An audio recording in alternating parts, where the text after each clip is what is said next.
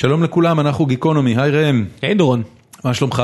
אין תלונות. תכף נדבר על זה שאתה עוד חי, אה, זה לא טריוויאלי, אבל אה, נתחיל קודם את הפרק.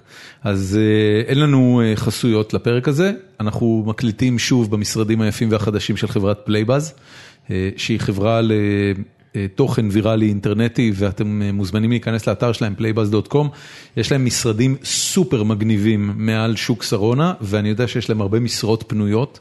אז אם אתם שומעים אותם, אותנו, ובא לכם לעבוד בחברה שהמשרדים שלה הם הוקו מגניבים וגם לראות אותנו מקליטים פה. וגם חבר'ה טובים. וגם חבר'ה מעולים, אז אתם מוזמנים להיכנס ל-playbuzz.com ולחפש את אזור המשרות שלהם.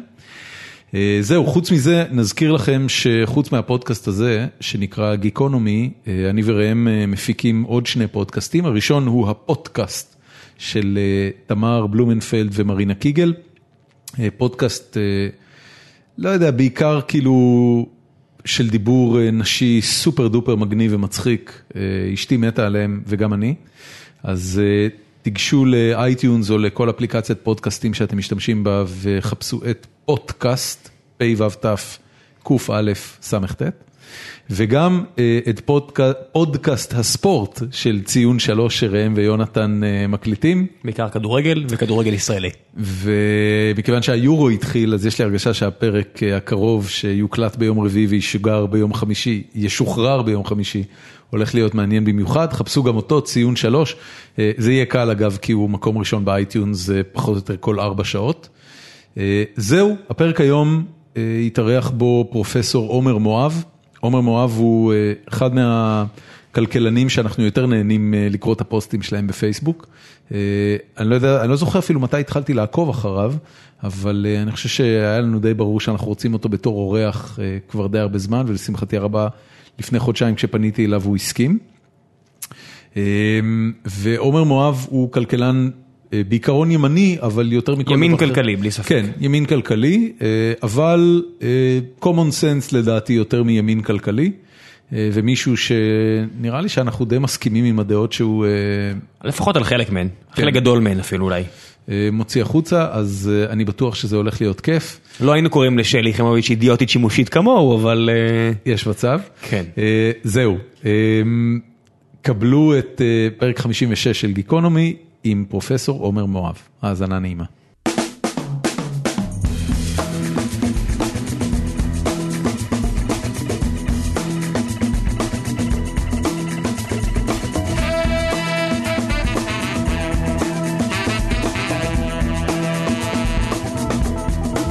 שלום לכולם, אנחנו גיקונומי, היי ראם. היי דורון. זה פגישה ראשונה שלנו מאז שירו עליך. נכון, מאז הפעם האחרונה שירו עליי. שמע, חתיכת סיפור, מי שלא יודע, אני אספר לך, האורח שלנו היום עומר מואב, אה, זה פרופסור עומר מואב, נכון? זה נכון. איפה אתה פרופסור? בבינתחומי בהרצליה אה, ובאוניברסיטת... אתה מלמד בבינתחומי? כן, תכף נדבר על זה. אוקיי, ואני גם באוניברסיטת ווריק שבקובנטרי, אנגליה. יש לך לאיפה להגיע, דורון? כן, לגמרי. רגע, אפשר כאילו חילופי מרצים? אפשר לנסות. בקיצור, בפעם האחרונה שהקלטנו, אה, אני לא הקלטתי, סליחה, אבל אה, ראם ויונתן הקליטו את הפודקאסט הנוסף שלנו, ציון שלוש, ויונתן יצא ראשון, ראם יצא שני, ואיך שהוא יצא, היה פה את הפיגוע למטה, והוא אה, היה בקו האש. כן, בדיוק התכתבתי וקלטתי, אה, יורים עליי. איך זה נשמע? זה היה כאילו סרט או שאתה שומע פקפקים? לא יודע, זה לא פעם ראשונה, אתה יודע, שירות צבאי וידה ידה ידה, אבל uh, לקח לי איזה שנייה שתיים להבין שיורים עליי, וקרבתי אליהם, ירדתי שם להם מאחורי ראית ה... אותם? כן, בדיעבד כן. לא כל כך הבנתי מי, מי, מי זה מי, אבל... הם היו באמת לבושים בחליפות? לא יודע, גם איכשהו מיד התקשרו אליהם מחדשות ערוץ 2, שזה סוג של פלא, לא יודע איך בדיוק מיד הגיעו אליי, שתי דקות אחרי שזה נגמר, אבל... אה, התקשרו אליך? כן. מה זאת אומרת התקשרו? למי היה את הטלפון שלך בחדשות ערוץ 2? לא יודע, אתה לא יודע שהייתי שם איזה ארבע דקות בשידור? אני יודע, חשבתי אה. שפשוט הגיע צוות צילום ותפסו אותך. לא, לא, התקשרו אליי. הזוי. כן, אני לא יודע איך. ולא שאלת, מי התקשרה? לא יודע, מישהי אמרה לי, אתה עולה עכשיו לשידור ישיר, אכפת לך? אמרתי... אתה יודע, שנייה לפני כן אני איזה בן אדם שחטף... איש חשוב אחי. כן, אני מרגיע איזה בן אדם שחטף שני כדורים לראש, אני בדיוק יוצא, מנגב את הדם עליי, ומתקשרים אליי, אומרים לי, אתה רוצה לעלות לשידור? אמרתי, מה, טוב. מי היה באולפן? לא יודע. מי ראיין אותך? אתה לא יודע. לא, לא יודע. אחי, יש לך את הארבע דקות האלה? במצב הלם. אה, לא, לא, לא, באמת שלא. הייתי ממש, אנשים אמרו לי, הייתי רגוע. תשמע את השידור, הייתי רגוע. תגיד לי, אה, ויש לך את הארבע דקות האלה? לא, זהו, הלך. הלך. אובליביאן. כן, לתהום הנשייה של שידורי חדשות כן, ישראלים. יש מספיק כאלה, בטח אתה יודע. זה- וואו. זה ישראל, יהיה עוד כאלה. טוב, אני שמח שאתה חי אחי, גם אני. באמת. כן, אני מן, מן הסתם אתה שמח יותר, אבל, אה, אבל באמת שאני שמח. כן. אתה לא מבוטח, אה, לפחות מבחינת גיקונומי אתה לא מבוטח. לא, לא, לא. טוב, פרופסור עומר מואב, מה שלומך? הכל בסדר. מי ברשתות החברתיות הכי מעצבן אותך?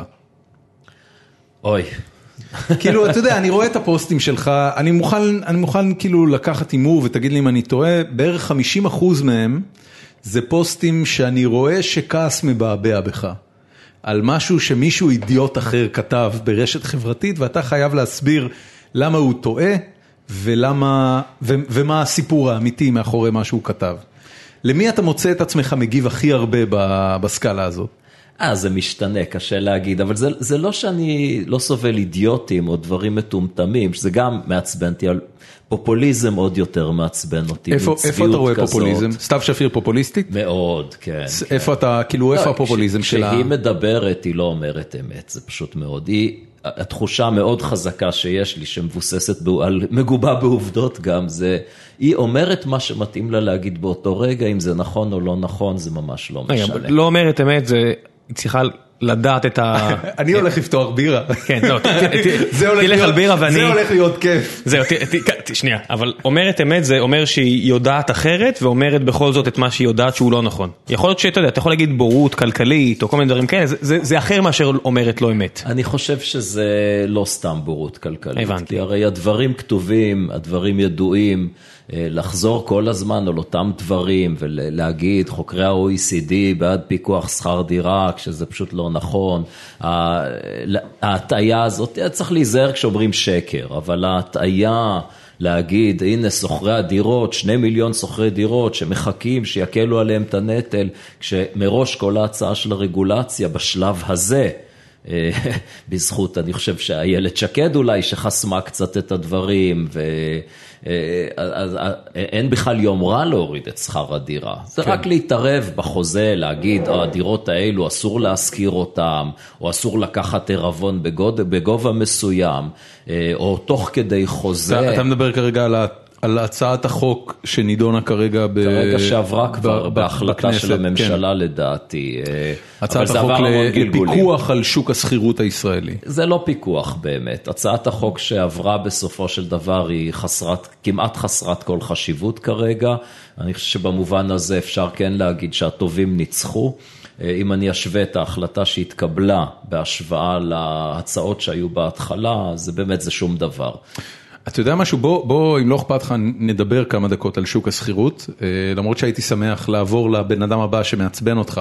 זה יכול להיות- הסים, זה יכול להיות כל פרק בפודקאסט, זה מי מעצבן אותך ולמה. אם כבר כן. עולה הנושא של שוק השכירות, אז אני, אני רוצה לשאול משהו. הרי בסופו של דבר, אה, יש בעיה אמיתית של מחירי דיור בארץ. אמת. ואני לפחות, אין, אין לי הרבה חוויות של לחיות בחו"ל, אבל יש לי חוויה אחת של אה, לחיות בבוסטון, אה, עיר אמריקאית גדולה, אה, לא תחת איזושהי רגולציה מטורפת שאני מודע אליה, ובכל זאת חוזה השכירות שאני חוויתי כדייר סוחר בבוסטון, היה משמעותית יותר נוח ממה שבעלי דירות ישראלים אי פעם העיזו לשים בפניי. עכשיו, אני, אני נדרשתי, אני אה, חבר בקבוצה שנקראת הליכודניקים החדשים, והנושא של שכר הדירה עלה שם פעמים רבות, האם כן לתמוך או לא לתמוך וכן הלאה. אה, כל פעם שאני מעלה את האפשרות כן לתמוך, אה, אני חוטף על הראש. ואחד הדברים שאני רואה אותם כטיעון תומך למה המדינה כן צריכה להיות מעורבת, הוא שבסופו של דבר יש הרבה דברים שהמדינה עושה, שיש בהם אלמנט של אה, להתוות את הדרך לאזרחים שומרי החוק, אה, איך נכון להתנהג. זאת אומרת שיש משהו אה, בחוקים שקשורים למשהו כל כך בסיסי כמו אה, שכירות אה, או מגורים באופן כללי, אה, וגם דברים שקשורים למזון וכן הלאה, שיש בהם איזושהי התוויית אידיאולוגיה למדינה, אלה ערכי החברה שאנחנו רוצים לחיות בה. ואם אני למשל לוקח את הקונספט, ש... שאם לא, אני לא טועה, הוא היה חלק לפחות מהחוק באיזשהו שלב, שעמלת הסוכן תתחלק שווה בשווה בין אה, הסוחר למשכיר. אז כמובן שכל מצדדי השוק החופשי אמרו, תשמע, על מה אתה מדבר? הרי מיד בעל הדירה יגלם את זה במחיר, ואתה בסופו של דבר תשלם את זה באופן מלא כמו קודם. והתשובה שאני עניתי זה שקודם כל, אם זה נכון, הרי שזה לא משנה. כי החוק לא גורם נזק, הוא רק גורם למראית עין של חלוקה שווה בין סוחר למשכיר. אבל, יש בזה כן איזשהו אלמנט שאומר, המדינה מתווה דרך לסוחר ולמשכיר, איך נכון להתנהג? האם אין בזה מספיק ערך שבשבילו שווה להעביר חוקים? תראה, אני אגיד לך ככה, אני קודם כל, אני לא עקרונית נגד התערבות של המדינה. התשובה הכי נוחה להתמודד, וזה למשל מה שאם אתה רוצה מישהו שמעצבן אותי עוד, אז uh, בהקשר, בדיוק אותו הקשר, זה רועי פולקמן. שמי זה? למקרה ש... חבר הכנסת, mm-hmm. יושב ראש סיעת כולנו, שהוא בעצם השותף של סתיו שפיר לקידום החוק הזה. שבאמת הביקורת שלו עליי ושל רבים אחרים, אה נו טוב, אתה עם אידיאולוגיה שאסור למדינה להתערב בכלל, ושוק חופשי. ליברטריאן. וזה, ליברטריאן וכולי. ראם קרא לך ליברטריאן לפני שהגעת. כן. אתה אני, ליברטריאן? אני לא חושב שהש"ג אצל הליברטריאנים ייתן לי לעבור. אה, אני למשל... אין להם ש"ג, אין מעורבות ציבורית, מה קרה לך? כל אחד לעצמו. אצלם בבניין. כן, אצלם כן. בבניין אולי. אני בוודאי, למשל, אני בעד שכר מינימום, אז כבר אה, הליברטריאנים... כן. כבר חושבים שאני מטורף. נודית מהליברטריאנים, מיד. אני בהחלט בעד אה, התערבות של הממשלה ברגולציה, למשל פיקוח על מחירים במקרה של מונופולים. אוקיי. אה, אני כן בעד מוצרים ציבוריים, בריאות, חינוך, תשתיות. זה מאוד לא ליברטריאני מצידך. אה, כן, אז אני, אני, האמת אז אתה לא נגד מעורבות ממשלה. אני מיינסטרים כלכלה. באיזה מובן שהדברים שאני אומר הם דברים שכמעט כל מה שאני אומר, זה דברים שמקובלים על הרוב, רוב המוחלט של הכלכלנים, שמבחינתנו מה שחשוב זה המטרה, שזה רווחה של בני אדם, כל השאר זה אמצעים. והבעיה שבשיח הציבורי בישראל מקדשים את האמצעים הרבה פעמים, או שיש ערבוב בין אמצעים למטרות. למשל, לשאלה שלך, אם לא שווה להתערב בכל זאת, למשל להגיד שהעמלה היא חצי חצי. אז יש, תראה, צריך נורא להיזהר עם התערבות, כי תמיד תהיו, יהיו תוצאות לא צפויות. וצריך מאוד להיזהר עם זה, כי יש לכל התערבות כזאת עלות, אז אני לא עקרונית נגד התערבויות, אבל צריך לבדוק את העלות מול התועלת. מצד אחד ברור שיש עלות, מצד שני גם ברור שיהיו תוצאות לא צפויות. ותמיד האנשים בשוק יודעים להסתדר הכי טוב שיש בצורה שהמחוקק אף פעם לא חשב על זה מראש. לא, מה זאת אומרת תמיד מסתדרים? אתה יודע, ההיסטוריה הכלכלית מלאה בדוגמאות שבהן אנשים נוצלו עד תום. כן, לא, לא, כשהמדינה מחוקקת, אז פתאום יש לך כל מיני התנהגויות שלא צפית אותן מראש. אני יכול לתת לך המון דוגמאות מהסוג הזה. תן אחת טובה, תן אחת כזו, עסיסית. כיפית, בוא נדבר על אה, מוניות בישראל. יאללה. וזה פנטסטי. תחום טוב מאוד כן, להתחיל. אבל חם אתה רוצה עכשיו. כבר לעזוב את אה, פיקוח שכר דירה, נחזור מקסימום. תכף נחזור. לא, המוניות נשמע לי סיפור מוניות טוב. זה מצוין, אז הסיפור הוא כזה, זה מעניין שאת אותן טעויות עושים בהרבה מדינות, יש דברים שלציבור הרחב, לפוליטיקאים זה נראה סבבה, כלכלנים מבינים שזה ממש לא, לפחות מבינים בדיעבד, כי מתנסים ומסתכלים על העובדות, אבל אחר כך קשה לחזור אחורה, וזה אגב עוד בעיה עם חקיקה פופולרית כזאת, שקל נורא לחוקק, אבל אחר כך ברגע שעשית את החוק קשה לחזור אחורה. נכון. הנה למשל עכשיו, למה אין בישראל אה, כל התחבורה השיתופית, אובר למשל? אני אובר- אגיד לך למה, כי נהגי למה? המוניות פקודים לליכוד. יפה, אבל אגב, אני אגיד לך משהו, אתה טועה. זה לא נהגי זה לא זה? המוניות, זה לא. זה בעלי הרישיון בעלי מונית. המספרים, אתה אה, צודק, אתה צודק, כדאי נכון, לעשות זה את לא- ההבחנה. נכון, נכון, נכון. בהנחה שבאמת עכשיו אובר נכנסים כמו שביבי רוצה, כי הוא פגש בדבוס את מנכ"ל אובר, תמיד הסיבות האלה נשמעות כל כך מבוססות. הרי כל... הראשון לזהות. כן, ממש. כל רישיון כזה שווה, אה, המדינה קיבלה עבורו כ-200-250 אלף שקלים. לא, לא מדויק. לא, 100,000 לא, שקלים זה לא, עולה לא, היום? לא, לא, לא. לא, היום כן, אבל דאז. אני לא יודע מה המחיר היום, אז ההיסטוריה של זה היא מלאה תהפוכות אה, בעבר. אז קודם כל זה מתחיל עם התפיסה של אנחנו צריכים להתערב ולהגן על השוק הזה, תמיד זה עם כל מיני טיעונים שלטובת הצרכן, או להבטיח פרנסה הוגנת, ואז מנסים לעשות חסמים. כן. איך אומרים נעשה פרנסה הוגנת? שני מרכיבים, אחד, מחיר מפוקח, שיהיה מספיק גבוה. כדי שנהג המונית יוכל להתפרנס בכבוד, ומצד שני לא יותר מדי גבוה, כדי שאנשים גם אה, יוכלו להשתמש במוניות. אבל מבינים שזה לא מספיק, כי אם אתה תקבע מחיר גבוה להסעת אה, נוסעים, וכל מי שרוצה יוכל להיות נהג מונית, אז מטבע הדברים ייכנסו לענף עד שההכנסה תשתווה פחות או יותר לאלטרנטיבות שיש לאנשים שאין להם יותר מדי מה להציע בשוק העבודה, כי בואו נודה על האמת, לא צריך כישורים יוצאי דופן להיות נהג מונית.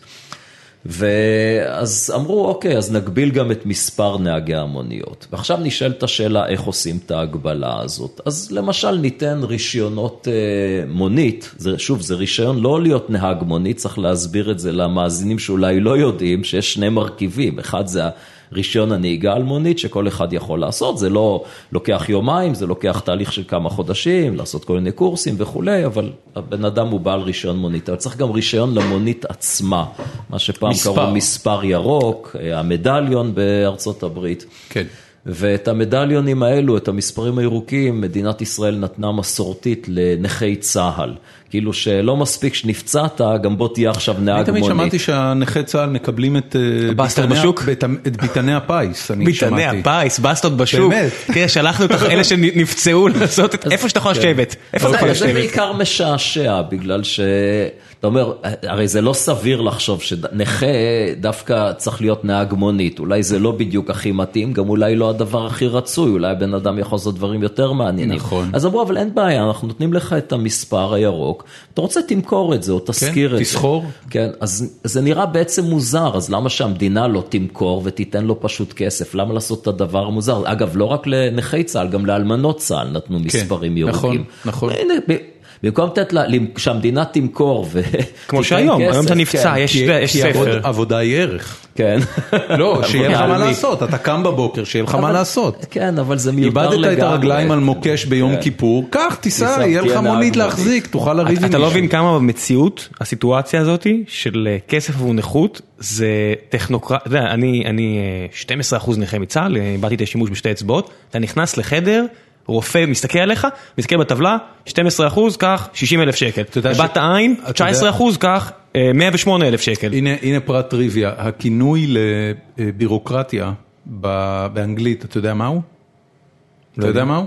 בירוקרטיה באנגלית? כן, red tape. נכון. אתה יודע מה זה red tape? red tape נולד אה, מהצבע של הסרט, שבו היו כורכים את כל הטפסים של קבלת נכות. ב...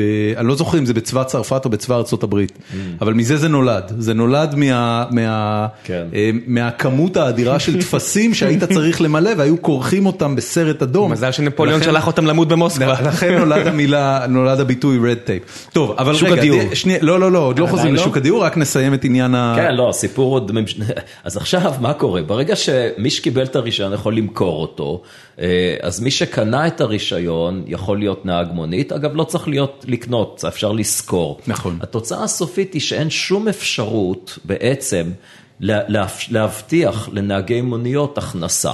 שום אפשרות. מדוע? אתה יכול כן לתת לאנשים במתנה כסף, שזה מה שעשו לנכי צה"ל או לאלמנות צה"ל, אה, ולכל מי שבהמשך היו הגרלות גם, אה, שזה בכלל דבר הזוי לחלוטין. לגמרי. למה שהמדינה מצד אחד תגבה מיסים, ומצד שני תיתן לאנשים חזרה את הכסף באופן אקראי. תמכרי את הרישיון לפי מכרז בהתאם למחיר השוק, וזה הסיפור, כי עשו, בעצם עשו הגרלות מי יקבל רישיון אה, מונית ויוכל למכור את זה בעצמו. כן, כן, כן. אתה, אתה רואה שאין גבול לטמטום של המחוקקים, באמת שאין גבול בעניין מה, הזה. מה שאתה קורא לו טמטום הוא בעצם הצורך של המחוקקים להצדיק את עצמם. הרי יש להם, יש אינטרס ברור למנגנון הציבורי, כמו כל חברה מצליחה, לגדול. ולדרוש יותר משאבים. אתה יודע, זה כמו מערכות הפעלה, כל שנה יוצאת מערכת הפעלה חדשה, איך תצדיק את זה? בזה שתצרוך יותר משאבים. המחוקק, אתה יודע, הוא... שהמחוקק הוא בסך הכל רוצה את תשומת הלב שלו, בוא תחשוב ברמה הרבה יותר מיקרו, על מי אותו מחוקק חושב, הוא רוצה, החיים שלו כפוליטיקאי תלויים בתשומת הלב שהוא מקבל. נכון. ולכן הוא רוצה לחוקק כמה שיותר. תשומת לב עולה כסף, תראה בארצות עולה הברית. היה להם תקופה של איזה שנתיים שלא חוקקו חוק אחד, הקונגרס היה תקוע בגלל המצב הפוליטי שם, הם לא חוקקו אף חוק. ואז מה תגיד, ששם לא כן, רוצים להחזיק אם, עצמם? אם, אם לא מחוקקים כלום, אז אתה עדיין יכול להופיע ב news cycle על דברים אחרים. כן. אתה מבין? מי או, אז אתה אומר או המון או כלום. כן, זה לא משנה, כן, הבנתי, קיבלתי. כשהליכודניקים החדשים עזרו לחבר כנסת בשם יואב קיש להיכנס לליכוד. פאק אה, שלכם. כן, טעות גדולה. אנחנו מנסים לתקן את זה עכשיו, נראה אם נצליח. אבל אבל לפחות כשהוא עוד היה בצד שלנו ולא חבר לסמוטריץ' להקמת השדולה לארץ ישראל השלמה, אה, הוא דיבר על זה שכשהוא הולך להיכנס לכנסת, מה שמעניין אותו זה לבטל חוקים ולא לחוקק חוקים. בואו נחזור לשוק השכירות. כן, אולי רק הערה לגבי, לסגור את העניין של המוניות, אה, אז זה מראה לך כמה בעיני המחוקק ורוב הציבור בישראל נראה נורא פשוט. אוקיי, כי אם נעשה מחיר מובטח ונגביל כניסה, הנה דאגנו לזה שנהג המונית תהיה לו הבטחה, אבל כן. לא. כי יש פה, צריך לעשות את ההפרדה בין נהג המונית לבעל רישיון המונית. בעל הרישיון יהיה לו כסף או הכנסה כי המדינה נתנה לו במתנה משהו. כן. הנהג ששוכר את הרישיון, כל פעם שתעלה את התעריפים או שיהיה יותר ביקוש, אז פשוט דמי השכירות גם יעלו בהתאם. ועכשיו ש- שישראל כץ מגן כביכול על נהגי המוניות, הוא לא מגן על נהגי המוניות, הוא בדיוק מגן על בעלי הרישיונות. לפעמים זה נכון. אותו, אותם אנשים, אבל צריך להבין שהוא מגן על בעלי הון. ולא על עובדים מסכנים, נכון. והנזק לציבור בישראל הוא אדיר. היכולת באמת לעשות תחבורה בכמה אתה שיפוטית. חושב שאובר היה מוריד את מחירי המוניות בארץ? אני לא יודע להעריך את זה, אני השתמשתי הרבה ב Uber בארצות הברית. מה המחירים זה שמה? פנטסטי, אז זה משתנה. לא, אבל זה לא חוכמה להשוות, כי זה מקום יותר יקר. זה יותר זול משמעותית ממוניות, אה, יש לזה יתרון נוסף, הרבה יתרונות מעבר לחיסכון בכסף, זה שירות יותר טוב בעצם, אני נהנה מזה הרבה יותר. אה, זה אפשרות לאנשים לעשות מין חלטורה כזאת ולהתפרנס, כן. וזה שיתוף פעולה, ברגע שאתה עושה Uber pooling, אתה מוריד מכוניות מהכביש. נכון. זה פשוט פנטסטי. לחסום דבר כזה, זה באמת, זה מטורף. ואתה רואה שהרגולציה פה בישראל, שבאמת מונעת למשל- מאינטרסים, לחסום כל מיני דברים שמתחרים בקיים. ו- ורגע, אתה יודע משהו, אז אני, אני אשאל אותך את זה, כי, כי האמירה היא, היא מאוד גורפת. בעצם, אתה אומר שהשלטון במקרה הספציפי הזה לא משרת את הציבור הרחב, הוא משרת את קומץ בעלי העניין שרוצים לשמר את המוצר הזה מוגבל ובמחיר גבוה. בוודאי. אה, מה אמור לעשות אה, אזרח מן השורה ששומע אותנו ואומר, אוקיי, מה זה, עושים עליי סיבוב פה. כן, אז תראה, הבעיה היא כזאת... אתה אומר שה- לסטודנטים שלך? אני אומר, ל- לא, לסטודנטים אני משתדל לא לדבר על אה, פוליטיקה, אבל בהרצאות לציבור הרחב, אני אומר, משתדל, קורה שפה ושם אני אומר דברים, אבל אה, כמובן שהעמדות שלי הן לא סוד, והסטודנטים אה, שרוצים עוקבים בפייסבוק אחרי הדברים שלי ושומעים אותי בתקשורת. אה, אבל בהרצאות לציבור הרחב, אני לאחרונה פותח את ההרצאה ב"אתם אשמים". אם אתם מקטרים על המצב פה, אתם אשמים. באיזה מובן? במובן שאתם בורים מוחלטים בענייני כלכלה, ולכן באמת בעלי האינטרס יכולים להפעיל את הפוליטיקאים, והציבור בולע את זה בשקט, מתוך זה שהוא לא מבין שדופקים אותו. עכשיו שוב, אני אומר אתם אשמים, בעצם אתם לא אשמים, כי יש פה מנגנון שלם שנועד להגדיל את הבורות של הציבור. אני לא אומר שזה קונספירציה, אני לא יודע איך זה נוצר, אבל התקשורת בישראל נשלטת על ידי הקו הסוציאליסטי-פופוליסטי. את אה, חברי הכנסת ששייכים למחנה הזה תמיד יראיינו, וכשמביאים מומחים, גם יבחרו אותם. אם אני מסתכל על התחום של כלכלה, שאני יודע מה קורה, לא ייקחו את הכלכלנים מיינסטרים, ייקחו את הכלכלנים שנוטים מאוד חזק לכיוון הסוציאליסטי. מי זה היה היום בארץ? אז נגיד זה יותר יהיה כלכלנים שהם רציניים. כן? לא דני גוד. ד- אז תראה, דני גוטווין למשל כבר חושבים עליו בתקשורת ככלכלן, הוא לא כלכלן בכלל. הוא סוציולוג, לא? מה הוא... הוא לא, הוא אה, היסטוריון, אה, משהו, כן, היסטוריה של עם ישראל, פרופסור להיסטוריה של עם ישראל. נכנסתי פעם לריב אינטרנטי אז אני לא אובייקטיבי. כן. לא, הוא בענייני מישהו כלכלה, שלא הוא רבת מדבר איתו שטויות. באינטרנט? לא, לא, זה ממש הריב עם מאמרי תגובה ב- במקום הכי חם וכאלה, אז אני לא... הבאת לינקים אתה לא, לא, אני כתבתי את המאמר תגובה. אה, אוקיי, אוקיי. מטעם חבר משותף שלנו, לא משנה. הבנתי, כן, אוקיי. אבל באופן כללי אתה יכול לראות שאת, אה, נגיד את פרופסור רומי דהן, פרופסור אבי בן בסט, אותם יזמינו לרדיו כמומחים, אותי אף פעם לא יזמינו כמומחה, אלא תמיד יהיה מולי מישהו, אלא יציגו אותי כמציג איזו עמדה קיצונית. מעניין. אה, כאשר, כפי שאני אומר לכם, ואני יכול להוכיח את הדברים האלו, אפשר להסתכל על העמדות שלי בהשוואה נניח לעמדות של אפילו ארגוני העובדים במדינות הסוציאל דמוקרטיות. השקר שהציבור בישראל חשוף אליו, הוא פשוט מדהים. איך, איך הדבר הזה קורה? הרי בסופו של דבר, אתה יודע, גם, גם אה, חדשות ערוץ 2, אה, בוודאי חדשות ערוץ, ערוץ 10, אלו גופים אה, מאוד תחרותיים, מאוד קפיטליסטיים, זאת אומרת, הם חיים בשוק שאומנם אין להם הרבה תחרות, אבל התחרות היא קשה. והם נלחמים על כל בדל רייטינג, ולכאורה האידיאולוגיה שאמורה לשלוט במסדרונות המערכות האלה, אמורה להיות אידיאולוגיה ימנית. חס וחלילה. למה, אירחת פה את מולי שגב, הוא אמר לך, אני לא מתבייש. מולי שגב הוא תוכן, והוא מייצר תוכנית בידור, הוא לא חדשות ערוץ 2. אני לא בטוח שיש כזה הבדל גדול בין השניים. נחמיה שטרסלר הוא בדעות שלך? שטרסלר הוא יוצא דופן. אתה טועה לחלוטין. אבל שטרסלר הוא היחיד שנמצא אצלם על ה payroll, לא? גם, אני לא, לא, בערוץ 2. כן, מי יש לך שהוא פרשן כלכלי בערוץ 2? אז תראה, יש שם את קרן מרציאנו שהיא כתבת, והיא מפרשנת כלכלה. כך, מי זה בערוץ 10? מתן חודורוב? כן, מתן חודורוב סוציאליסט גדול. מה ההשכלה של מתן חודורוב? ההשכלה, עזוב רגע את האידיאולוגיה, מה ההשכלה הכלכלית שלו? מה, הוא בן 12, איזה השכלה? מה, הוא בן 20 ומשהו נראה לי. לא, הוא כבר יש לו, אני חושב שיש לו תואר במשפטים. בסדר, אבל הוא לא למד כלכלה אף פעם. בוא לא נקל ראש, אני... הוא איש מאוד נבון. אין בעיה, אבל הוא לא... אני מתרגש פחות מתארים ויותר מרקורד. ישבה אצלנו פה רוני לינדר. כתבת מערכת הבריאות של דה מרקר, היא מכהנת בתפקיד הזה כבר מספר שנים, לדעתי חמש או שבע שנים. בן אדם שבמשך חמש עד שבע שנים מסקר את מערכת הבריאות ועושה את זה בצורה רצינית כמו שדה מרקר מצפה מהעיתונאים שלו, הוא כן בר סמכה. זאת אומרת, אני מסתכל על מה שמתן חודורוב, אם מתן חודורוב מסקר נושאים כלכליים כבר עשור נגיד, שהוא נמצא בעיתונות ה mass media בישראל, אז הוא בהחלט בר סמכה. לא, אבל יש הבדל בין לפרשן... הוא בוודאי לא מכיר את המחקרים ואת התיאוריה. אבל זה בדיוק הנקודה, יש הבדל בין לתת פרשנות כלשהי כפובליציסט, לבין להביא insight אמיתי שמבוסס על זה שאתה מכיר נתונים, שאתה מכיר, שקראת מחקרים. זה הנקודה דווקא.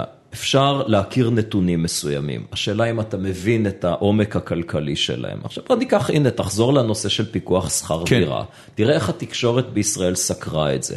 בוא אני אגיד לך מה העובדות. העובדות הן מאוד מאוד ברורות בנושא הזה, אחד, אחד הדברים כמעט היחידים שיש קונסנזוס מלא בין כלכלנים שפיקוח שכר דירה, אני מדבר עכשיו על ממש פיקוח כזה שמיועד להוריד את המחירים, זה דבר נורא. הורס את שוק השכירות, אה, יוצר מחסור, יוצר מצוקה. מה זה אומר הורס את שוק השכירות? מה זה שוק שכירות מתפקד? זה שוק שבו יש לך את האפשרות אה, למצוא חלופה לדירה במגורים, בדירה שבבעלותך. זאת אומרת, אתה היום רוצה לעבור דירה. זאת אומרת, זה שוק שיש בו מלאי דירות מספיק, במחיר סביר? מתפקד, זאת אומרת שבמחיר השוק אתה יכול לשכור לעצמך דירה. בשונה משוק לא מתפקד, שאתה פשוט לא יכול למצוא דירה, נקודה, אין. או שאתה צריך ללכת לאלטרנטיבה מאוד מאוד יקרה, כי רוב הדירות באלטרנטיבה הסבירה הן מפוקחות, הן תפוסות. תראה, מה הסיפור? זה, הכלכלה היא נורא פשוטה. אם יש לנו אה, התערבות שמורידה את מחיר השכירות מתחת למחיר השוק, המשמעות היא שיש מחסור. הרי אם ניקח את תל אביב לדוגמה, שם באמת התחילה מחאת 2011, דפני ליף בונה אוהל בשדרות רוטשילד, היא לא יכולה לשלם דמי שכירות. אז הכי פשוט זה לחשוב כמו פוליטיקאי, להגיד, הנה הבעיה, אנשים צעירים, מרכז החיים שלהם זה תל אביב, ההכנסה שלהם לא גבוהה, הם לא יכולים לשלם את דמי השכירות, הם גבוהים מדי, בוא נוריד בחוק את דמי השכירות. אבל אם אתה חושב, רגע, לא, זאת לא הבעיה. הבעיה היא שיש לנו המון ביקוש למגורים בתל אביב וההיצע הוא קטן. וזה שאתה תוריד בחוק את דמי השכירות, לא יגדיל את ההיצע, אם כבר יקטין אותו. הוא יגדיל את הביקוש גם. בוודאי, אז זאת הבעיה. ביקוש, גם יש לאנשים עוד טעות, מאוד נפוצה, שחושבים על ביקוש, מה זאת אומרת? זה או שאני צריך דירה או שאני לא צריך דירה. אין דבר רחוק מהאמת כמו זה. משום שהאנשים לא צורכים דירות, צורכים שירותי דיור. מגורים. מגורים, מטר, מגורים. מטר בנוי. ואם כן. יקר, חולקים דירה עם שותפים, גרים בדירה יותר קטנה. אם זול, יוצאים מהבית יותר מוקדם, גרים בדירות יותר גדולות וכולי וכולי. לכן השוק מגיב ומאפשר את הדברים האלו, והתערבות מחסלת את המנגנונים האלו. אם היה פה סתיו שפיר עם פיקוח שכר דירה בשנות התשעים, אז היא הייתה יכולה, ונגיד שהיא הייתה מצליחה חס וחלילה, היא הייתה יכולה למנוע את מה שקרה פה בפועל, שמשפחות של עולים מברית המועצות חלקו שתי משפחות דירה. כן. זה טוב שחלקו שתי משפחות דירה. אני. חושב שזה מצוין, כי האלטרנטיבה מה הייתה? היו יותר משפחות מדירות, מה האלטרנטיבה? אחת משפחה בדירה, משפחה באוהל? אז זה מצוין שבאופן זמני חלקו דירות. איך זה קרה? בזכות זה שלא התערבו בשוק. אתה רואה, אתה בא ומתערב ואתה לא יודע מה יקרה. עכשיו, הנה, תראה, בשוודיה, אנחנו יודעים, התחילו, הם מבינים כבר שזה אסון, אבל ברגע שמתחילים פיקוח שכר דירה, יש לך דיירים מוגנים. דיירים אפילו שקנו את הזכות להיות דיירים מוגנים, ואז כבר יש את הזכויות שנובעות מעצם העובדה שאתה יושב בדירה, כן. ואז קשה נורא לבטל חוקים. הדוגמה הכי טובה, חוק הגנת הדייר של ישראל, כן. חוק משנות החמישים, הליכוד, אתה חבר ליכוד. כן. הליכוד, לפני המהפך של 77, אני זוכר את זה. הבטיחו בין יתר הדברים שהם לא קיימו, זה שהם יבטלו את חוק הגנת הדייר, 77. any minute now. כן? לא, כמה השוק- זמן עבר מאז בסדר, מה, שביטלו את החוק? 40 שנה, מה אתה ממהר? פשוט- ועדיין לא בוטל. השוק בסדר. פשוט עקף את החוק הזה. כל חוזה שכירות סטנדרטי כתוב, שאתה לא, תוריד היום מהאינטרנט, כתוב נכון. שהוא- ש- שעל על החוזה זה לא יכול חוק, לא יחול כן. אבל אתה מבין חוק שיש הגנת פה. התעלמות מכוונת, זה. אבסורד, כן. זה- זה אחד הדברים שתמיד הדהימו אותי, איך זה שאתה כותב בחוזה סעיף שמיד מתעלם מחוק ובתי המשפט מקבלים את זה. נכון, כי בתי משפט אמורים לפסול את ברור, החוזה הזה, כי הוא ברור. חוזה לא חוקי. נכון. ועדיין זה לא קורה. נכון. זאת אומרת, גם בתי המשפט וגם אה, האזרחים קיבלו על עצמם את ביטול חוק הגנת מה, הדייר. יש- יש רק- בעיית משילות רק- חוק רק בישראל? המ- רק המחוקק עוד לא השכיל- לא לא, חוץ מדבר אחד שאתה שוכח, כל אותן דירות שעד היום יש בהן דיירים מוגנים. כמה כאלה קיימות בארץ? זה הלך ונשחק, לדעתי למגורים זה אולי 2% מהשוק, סדר גודל כזה. 2% זה המון. כן, אז זה אבל הלך וירד. אם היית אומר לי שזה מאות כן. דירות, לא, הייתי לא, לא, אולי... זה, זה, תראה, מה זה לקנות דירה בדמי מפתח? זה בדיוק זה. כן? דמי מפתח זה לקנות את הזכות להיות, להיות דייר, דייר מוגן. מוגן. התחיל, אגב, בדיוק כמו שבשוודיה היום, שמה שקורה שם יש תור של, אנחנו יודעים את זה מהפרשייה עם שרת החוץ השוודית, כן. תור של שמונה שנים לקבל, אתה נרשם, כעבור שמונה שנים יגיע תורך להיכנס לדירה. כן. מה עושים? מספיק שוודים ימותו. כן, משלמים לדייר הקיים, קונים ממנו את הזכות, כן. שחור. כמה, איזה, באיזה מחירים? סדרי גודל של 15 אלף אירו. וואו. זה מה שפיקוח שכר דירה עושה. ואגב, כמובן, תחזוקה לקויה. עכשיו, בכל מקום בעולם שניסו את זה, זה נגמר רע. ואתה רואה באמת את התקשורת בישראל, מה קורה? מסתובבת סתיו שפיר ואומרת, בכל, באירופה יש רגולציה, יש פיקוח, סימן שזה מצוין. אני אומר, אוקיי, נכון, באמת יש, בואו נלמד מהם, נראה מה קרה. נכשל בכל מקום שזה נוסע, פיקוח ממש. עכשיו יש להם כל מיני רגולציות, ניסיונות להוקוס פוקוס, יש ויכוחים. אין שום עדות להצלחה, ויש עדויות לבעיות רציניות. אפשר לדבר על זה אני יותר. חושב שזה יכול לעבוד, אבל. יש פה איזשהו סוג של שעטנז, כי זכויות הבנייה הם אה, שוק פתוח לגמרי. אנשים בוחרים לבנות לפי מה שיניב להם את הרווח הכי גדול. זה לא שהממשלה קובעת. אם היית עכשיו עושה פה סטייל אה, מזרח ברלין, בנייני רכבת כאלה בלתי נגמרים, והיית מנצל את השטח בצורה מקסימלית, בלי לחשוב על למקסם את הרווחים שלך, אולי באמת היית יכול להציע אה, שירותי דיור, אתה יודע, בחזקת המדינה כזו. אבל זה לא ככה, מה, מה, כפועל יוצא, נוצר לך מצב שהוא לא שם ולא פה. כמו הרבה דברים, נראה לי, בכלכלה שלנו. כן, יכול להיות. אבל אני רוצה להזכיר לכם שאני רוצה לדבר על התקשורת הישראלית. ועל הבורות של כן, הציבור. אנחנו בקושי... אורחים. קודמים, אל תדאג, יש לנו- עד עכשיו זה הפתיח. וזו דוגמה. מצוינת ל- ל- לאיך התקשורת טיפלה בזה. כי תשימו לב שבכל מקום, אני זוכר, כל מקום שאני רואיינתי על הנושא הזה, והיו מעט מאוד שרואיינו מהצד שמתנגד, אה, למרות שכמעט כל אדם שהוא כלכלן סביר, למעשה כל כלכלן, כולל אלו שנוטים יותר לצד הסוציאליסטי, מתנגדים לפיקוח שכר דירה. אוקיי. אבל לא, הם לא רוצים, למה מי להם למשל בעד? מי אתה? מכיר שהוא כלכלן לא לא מטופש וכן בעד? פיקוח שכר דירה, אני כן. לא מכיר. אתה אפילו לא אחד לא יכול לציין את שמו? לא יכול, אפילו לא אחד. אוקיי. אין, גם, אני אומר לך, גם הסוציאליסטים ביניהם, הם לא מטומטמים, כן. אני, לא מבין למה הם סוציאליסטים, אבל בסדר, אני נותן להם את הקרדיט, זה אני, אגיד לך. למה אנשים הם סוציאליסטים, אני מאוד מתחבר לזה, סוציאליזם זה סיפור מעולה.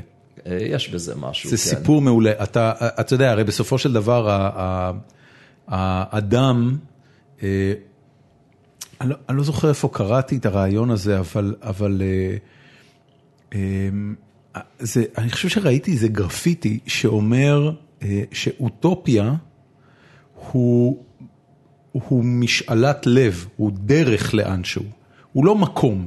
זאת אומרת, אוטופיה זה לא מקום שאתה אי פעם אמור להגיע אליו, אלא הוא בסך הכל משהו שאתה אמור לחיות על פי משאלת הלב הזו, כדי שההווה שלך, שהוא מורכב ומסובך ואף פעם לא יוכל להיות אוטופיה, יהיה קצת טוב יותר. במובן הזה סוציאליזם הוא בעיניי סוג של אוטופיה, זאת אומרת זה רעיון, זה, זה סדרה שלמה של רעיונות שאילו היה אפשר לחיות לפיהם, זה היה פנטסטי. למי? להרבה מאוד אנשים. בדיוק. לרוב לא האנשים. ל- לרוב. לרוב האנשים, תראה, הוא- סוציאליזם בצורה שסתיו שפיר מדמיינת אותו, אה, הוא דבר, הוא מציאות חיים שהלוואי ויכולנו לחיות לפיה. זאת אומרת, היא מציאות חיים שעזוב ממה היא מתעלמת, אנחנו יודעים ממה היא מתעלמת, אבל היא מציאות חיים שבה המדינה מספקת את כל צורכי האזרח, מלידה ועד מוות, שלכולם יש קיום בכבוד. ללא רעב וללא מחלות, מהרגע שהם נולדים עד שהם מתים, שכולם מקבלים חינוך מעולה שמוביל אותם להיות אנשים מועילים ופרודוקטיביים בחברה שבה הם חיים. זה Star Trek, כולם אוהבים Star Trek, Star Trek זה אז אני אתן לך. עובדה מסוימת שקצת תעיב על. התסריט הוורוד שלך. בוא נסתכל על התנועה הקיבוצית בישראל. שים בצד את הכישלון הכלכלי. כן. עזוב, נניח לזה. אתה חושב שהתנועה הקיבוצית הייתה רעיון גרוע? תראה, העובדה היא כזאת, שאנשים עזבו את התנועה הקיבוצית הרבה לפני שהיא פשטה את הרגל. והנה אוקיי. היה לך את החלום הזה, בדיוק מה שאתה תיארת כאן. דשא, וילה קטנה, דואגים לכל הצרכים שלך, אין לך דאגות חיים בשיתוף. בכלל, חיים בשיתוף חיים בשיתוף. ובשוויון. תקשיב, היו, היו ו- חבר'ה. אבל בסוף, תקשיב, אתה יודע, זה כמו שתגיד לי ש... אני רוצה להגיד לך העובדה משהו. היא בסוף שאנשים בוא, היגרו מהקיבוץ תקשיב, לעיר ולא הפוך. קיבוץ, הבחירה, קיבוץ אנשים כמו לא כל, רצו את זה.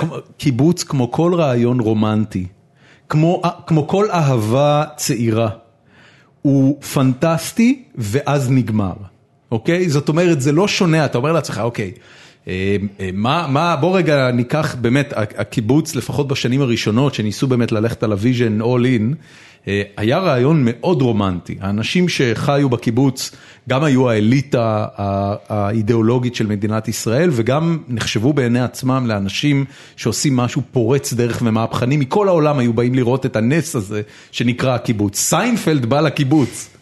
אז אתה, אתה לא... ברני הגיע לקיבוץ. אתה לא יכול להגיד שזה לא היה רעיון מושך וסופר אטרקטיבי לתקופה מסוימת שבה באמת המצב פה היה חרבן. זאת אומרת, זה הצליח למשוך אוכלוסייה מאוד מעט מאוד איכותית. אנשים גרו בקיבוץ, ואתה יודע, זה תמיד... ה- Fair enough. איפה וה- איפה ו- הרעיונות הקומוניסטיים פופולריים עד היום? בבתי הקפה בפריז, נכון, לא במדינות נכון, נכון, הקומוניסטיות. נכון, נכון. כן, זה שמעתי שבוונצואלה זה פחות פופולרי מיום ליום. בהחלט. לנין קרא לאנשים האלו במערב שהיללו את הקומוניזם, אידיוטים שימושיים. כן. והכלכלה הישראלית, הפוליטיקה הישראלית מלאה אידיוטים שימושיים, כאלו שמדברים על אידיאולוגיה, אבל בעצם משרתים קבוצות בוא, אינטרס. בוא נעשה את מצעד האידיוטים השימושיים רגע, של... בוא נעבור אה, לבא בתור כזה. רגע, רגע. לא, נראה לי, ש... נראה לי שזה הולך להיות יותר אטרקטיבי. בואו נעשה את מצעד האידיוטים השימושיים של מדינת ישראל. אה, אתה יודע, מבחינת אה, אלה שהפער בין תפיסת העולם שהם משדרים לבין האנשים שהם באמת משרתים בהתנהלותם היומיומית, הוא הגדול ביותר. כן, תראה, הדוגמה הבולטת ביותר כמובן, שלי יחימוביץ'. אוקיי. אין שום ספק. אה, אני, חייב. להגיד, כן. הייתי בטוח שתגיד כחלון. אני לא יודע למה, לא, אבל הייתי בטוח שאתה... משרת. לא, לא, כחלון הוא סתם פופוליסט, הוא לא אידיוט שימושי. אוקיי. לא חושב שהוא, ו- אני לא ו- ברור לי את מי הוא ולמה. שלי יחימוביץ' היא אידיוטית שלי שימושית? יחימוביץ', אני לא טוען שהיא משרתת במודע אה, קבוצות אינטרס. אה, גם לכאורה, מה אני מלין עליה? הרי היא לא הממשלה. נכון. אני רוצה לבקר את המצב באופוזיציה. הכלכלי, בוא נבקר. באותו מידה אתה יכול להלין עליי או עליו, אתה יודע. ה- הפייסבוק שלה זה הדבר שיש לה הכי הרבה השפעה עליו בחיים. נכון, אבל תראה, אם אתם זוכרים, אמרתי לכם קודם שאני מנסה להבין למה נתניהו, למשל, שר האוצר, ושר, ראש הממשלה, כן. ושר חכה, שר הכלכלה, חכה, חכה, כן. וכולי.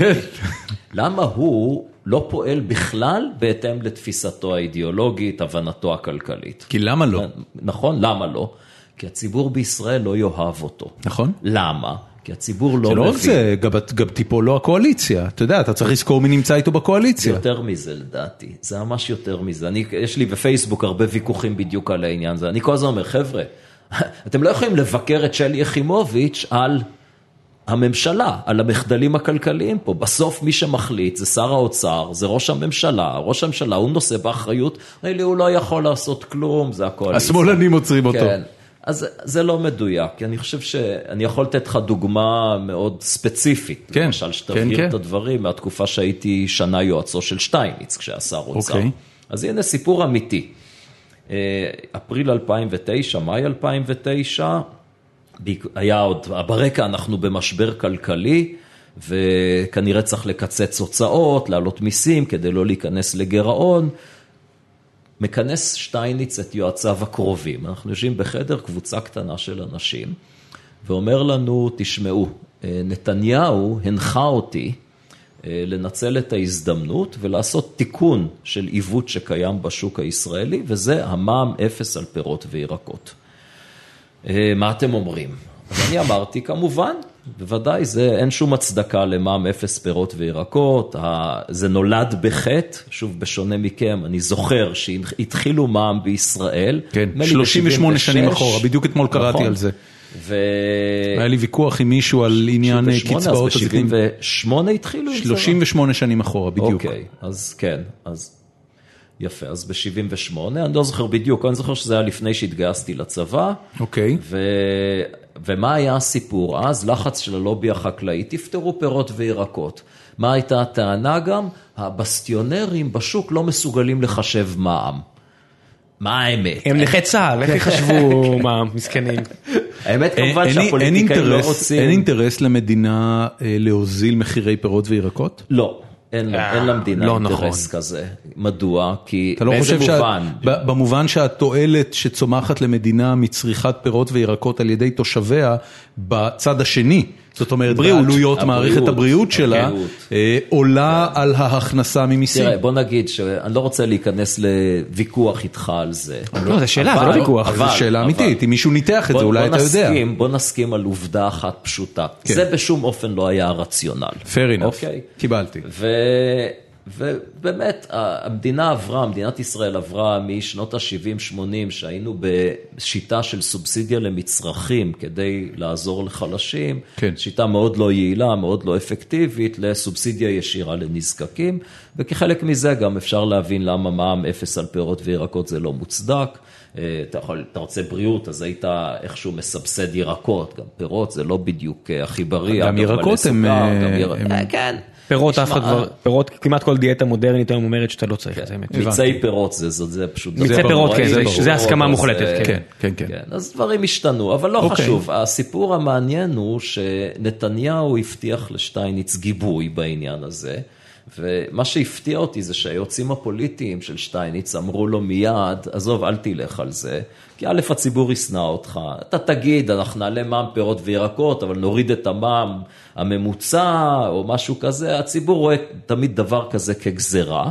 זה חלק מחוסר ההבנה הכלכלית העמוק שיש בציבור הישראלי, וגם שטייניץ לא יגבה אותך. אה, נתניהו לא יגבה אותך, ושטייניץ היה מופתע ממה שהם אמרו, בכל מקרה הוא לא קיבל את העצה שלהם, והלכו על זה, ועשו עבודת רקע מאוד אה, קשה, צריך לשכנע את ועדת הכספים, ואחד אחד וכולי וכולי. אה, ובסופו של דבר אנחנו יודעים מה קרה, שיום לפני ההצבעה נתניהו אמר שהוא קורא את רחשי לב הציבור והוא יורד מהעניין. קרקורי בטן לציבור. כן. ו- סטגדיש. ואני חושב שה...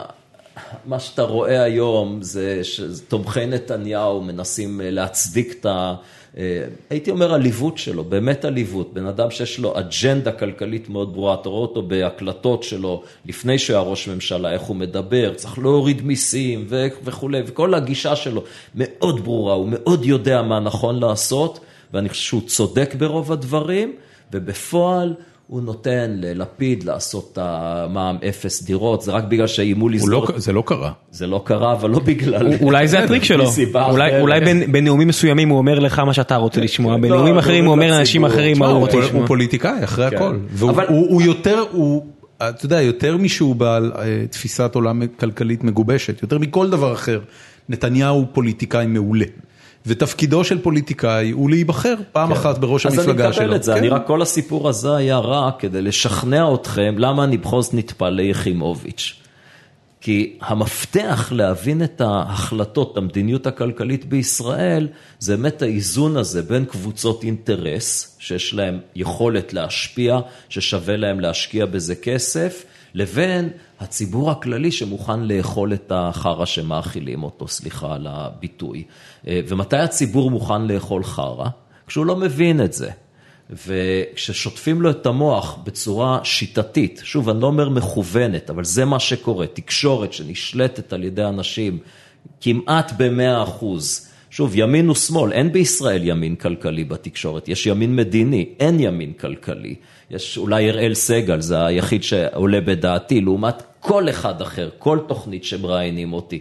נגיד, אני חושב לאחרונה, כל תוכנית סביב פיקוח שכר דירה, כמעט תמיד המראיינים מתייצבים לצד אותו בחור או בחורה שמביאים מוועד לא, סוכני לא הדירות שזה, שזה... כנגדי. תראה, אני, אני, אני רוצה לשאול אותך שאלה, ואתה מזכיר את התקשורת הרבה, אבל בוא רגע נדבר על מהי בעצם תקשורת בישראל. אחוז האנשים שצופים בערוץ 2 ובערוץ 10 הולך ופוחת. נכון. יש פרגמנטציה, אני לא יודע אפילו אם יש מילה בעברית לפרגמנטציה, אבל... חלוקת... הר, הרססה, חלוקה לרסיסים. אהבתי הרססה. הרססה, סבבה. יש חלוקה לרסיסים של כל שוק התקשורת, ויש, אתה יודע, אמר לנו, יאיר ניצני זה היה, שדיברנו איתו, והוא אמר לנו, אמר לנו, תקשיב, שאל כמה מאזינים יש לנו, אז היו לנו עשרת אלפים איש בחודש. והוא אמר, תקשיבו, 100 אלף איש זה תחנת רדיו אזורית. כן. זאת אומרת, זה לא רחוק כבר מכברת דרך, היום לשמחתי הרבה כבר עברנו את ה-20 אלף. בכל מקרה, לא כל כך הרבה אנשים רואים ערוץ 2. אנשים מחפשים מקורות אחרים, מקבלים אותם בבלוגים ובפייסבוק, והרעיונות הטובים, אתה בטח רואה את זה מהפוסטים שלך, שמגיעים למאות לייקים ותפוצה של בטח אלפים אם לא עשרות אלפי ישראלים. אתה יודע, זה בסדר, לא, אז, אז אתה אומר, בטלוויזיה זה ככה, אבל העם בורח מהטלוויזיה, לאט לאט. תראה, אני עושה תרגיל כל פעם בהרצאה, לאחרונה, בהרצאות לציבור הרחב, יצא לי במקרה בשבוע שעבר, נדמה לי, להרצות תוך שלושה ימים לבערך אלף אנשים. אוקיי. בארבע הרצאות, כל הרצאה כ-250 איש. וזה לא היה קהל שבוחר לבוא להרצאות שלי. זה היה מין קהל של אנשים שהולכים לראות סרט, ויש הרצאה לפני הסרט, והם רשויים לתוכנית, כלומר, הם לא... כפו עליהם לשמוע אותי 45 דקות, חלקם נהנו, חלקם סבלו, לא בגלל שמה שאני אומר לא מעניין, הוא מעצבן הרבה אנשים. אז אני עושה את התרגיל הבא, אני שואל את האנשים, בואו נשחק משחק אסוציאציות. אני אגיד ביטוי, תגידו את השם של הפוליטיקאי שקופץ לכם קדימה, לראש. קדימה, איזה כיף. ואני אומר, צחק עם ראם. סוציאל דמוקרטיה? שלי. בדיוק. זה, בכל קהל שאני שואל, זאת התשובה, מיד. אבל אני, אני מודה שאני שלי. אני אמרתי את זה כי ידעתי שאתה רוצה לשמוע את התשובה הזאת. אני יודע שהיא... שהיא... זאת התשובה. כן. עזוב, אתה בן כן. אדם אחד, זה לא... בסדר, נכון, נכון. הבן אדם האחד לא מעניין בסדר, ברור, ברור, סטטיסטיקה. ברור, ברור, ברור, ברור. זאת- זאת. התשובה. ואז אני עושה עוד פעם, עכשיו אני אגיד שוב ביטוי, כן. תגידו מדינה שקופצת לכם לראש, אוקיי. שוב סוציאל דמוקרטיה, מה המדינות שקופצות לראש? שוודיה, דנמרק. בדיוק, בדיוק. אז אני אומר בעצם, מה המסקנה שלי מזה? שבציבור הישראלי, ומספיק הרצאות כבר נתתי לציבורים מספיק מגוונים, כדי לדעת שזה מייצג את הציבור הישראלי. אצל הציבור הישראלי, אותה מדיניות ששלי יחימוביץ' מקדמת, והיא קוראת לעצמה נושאת הדגל הסוציאל דמוקרטי, בציבור הישראלי זה נתפס כדגל שמוביל אותנו למדיניות של שוודיה, אתה של יודע מי אחראי על זה? זה רולניק עשה. לא נכון, רוני כותב פעם אחרי פעם על כמה שבמדינות האלה, איגודים מקצועיים, הם מחויבים כן, להצלחת כן, כן, כן, החברה אבל- והסוסייטי. קודם כל בוא, בוא נתחיל מזה שרולניק אחראי על הכנסת המודל השוודי לשיח הכלכלי אה הישראלי. לא, הוא אומר הפוך, הוא אומר שאנשים לא מבינים את העניין הזה. לא אומר- מבינים? לא, אז תראה, מה הנקודה? לא, ודאי שלא מבינים. זה הקטע, תסתכל. תשמע, אנשים, רגע, רגע, לא רגע, כמה אני רק רוצה קוראים לחדד את את, הנ- אני הדה-מרקר? רוצה רגע בוא, לחדד כן. את הנקודה. האם מה שאתה אומר הוא שבקרב הציבור הרחב הישראלי, שלי יחימוביץ' מזוהה עם אה, תפיסת המדינה הסוציאל דמוקרטית, שהמודל שלה נמצא בשוודיה ודנמרק. זה, ה- זה ההיגד שאתה חד- אומר. חד ואת- משמעית. לא, ו- אבל הם לא מבינים שבמדינות האלה אין את אין את המודל של ועדי לא, לא, עובדים. אבל אני אמרתי שמי אה, שאחראי לזה, אני לא זה הבנתי. לא, לא, רולניק. לא, רולניק דווקא בעניין הזה... רולניק, אה, ש, ש, שכל הזה, קודם כל הוא אחראי להכנסת המודל השוודי לשיח הישראלי. כן. אחד מהם, אחד לא. תשמע, למה, מי עוד נסע לשם ועשה הוא. סדרת כתבות? הוא כותב על זה. כן, אבל אין לו- עיתון נכון, בידיים. אבל בוא תשמע, אה, כמה אנשים קוראים דה מרקר לעומת ה- כמה האם- אנשים האם- חשופים. איפה איפה שלי יחימוביץ', אה, אגב, סתם מתוך סקרנות, ישבת פעם, דיברת איתה? אף פעם לא באופן אישי, היו לנו כמה מפגשים בעבר, התגובה שלה, אני יכול להגיד לך תמיד ללא יוצא מן הכלל, התשובה שלה לטענות הענייניות שלי, היא תמיד אותה תשובה, לאחרונה היא אמרה את זה על אבי שמחון, בדיוק את אותה סיסמה, זה, טוב, הוא קפיטליסט פנאט דתי, ניאו-ליברל, שתקוע בשנות ה-80. אפשר אפשר כבר להגיד שאין דבר כזה ניאו-ליברל? אני אומר את זה, אבל בסדר, זה... רגע, זה המוס- רגע, תכף נגיע לזה. זה המ- אוקיי, בסדר, זה- זה, אתה כאילו אמרת את זה ו... אם אני- לא, לא, אם אני- אם אני- אם מה אני מבין נכון אומרת. את מה שאתה אומר, ואני לרגע אחד אהיה הסנגור של שלי יחימוביץ', שאגב, בהרבה רמות של התנהלות אה, אנושית של מנהיגי ציבור, אני מאוד מעריך אותה. גם אני. אמ, היא, היא, אני לא, אתה יודע, זה כאילו אמירה מאוד לא פמיניסטית, זה שלי יחימוביץ' פמיניסטית, אבל היא ההגדרה, היא עונה על ההגדרה של מענץ'. זאת אומרת, מישהו שפיו וליבו שווים, אני לא יודע עד כמה, אני מניח שהיא פוליטיקאית מיומנת אה, בזכות לאן שהגיעה, אבל, אה, אבל אני, אני, אני מחזיק ממנה במידות מסוימות. על הרבה מאוד מהפוסטים בפייסבוק שלה אני מוצא את עצמי אה, ש- שמח לעשות לייק וגם לשתף. אמ, עכשיו, לגבי העניין של המדיניות הכלכלית, אתה יודע, אני, אני הרבה פעמים מקבל את התחושה מתוך מה שהיא כותבת, אה, שאתה יודע, ב, ב, היא לא בעד ועדי עובדים לרמת ה, לרמתם הגרועה. זאת אומרת, תחשוב, תחשוב על זה רגע מהאלטרנטיבה הליכודית, בסדר? כשקרה מה שקרה בנמל אשדוד, שלי יחימוביץ', היה לה את האינטגריטי להיות ראשונה שתוציא פוסט. תזכור, זה, אני מדבר איתך על מישהי שהיא בצמרת מפלגת העבודה, ראשונה שתוציא פוסט שבא ואומר, תקשיבו, החבר'ה האלה צריכים ללכת לכלא. לא היום, אתמול. וזה דבר שדרוש בשבילו אומץ לב מאוד גדול, ויש אגב הרבה דיבורים, לפחות ממה שאני קראתי, שעל זה היא איבדה את ראשות מפלגת העבודה. שאם היא הייתה playing it nicely, והייתה סותמת את הפה שלה, ועושה מעשה סתיו שפיר בפואד, שכשהחשדות על פואד אה, פתאום עלו, אז מה, ולא ידענו, וזה וזה, בעוד שבפועל הוא זה שהכניס אותה לתוך מפלגת העבודה.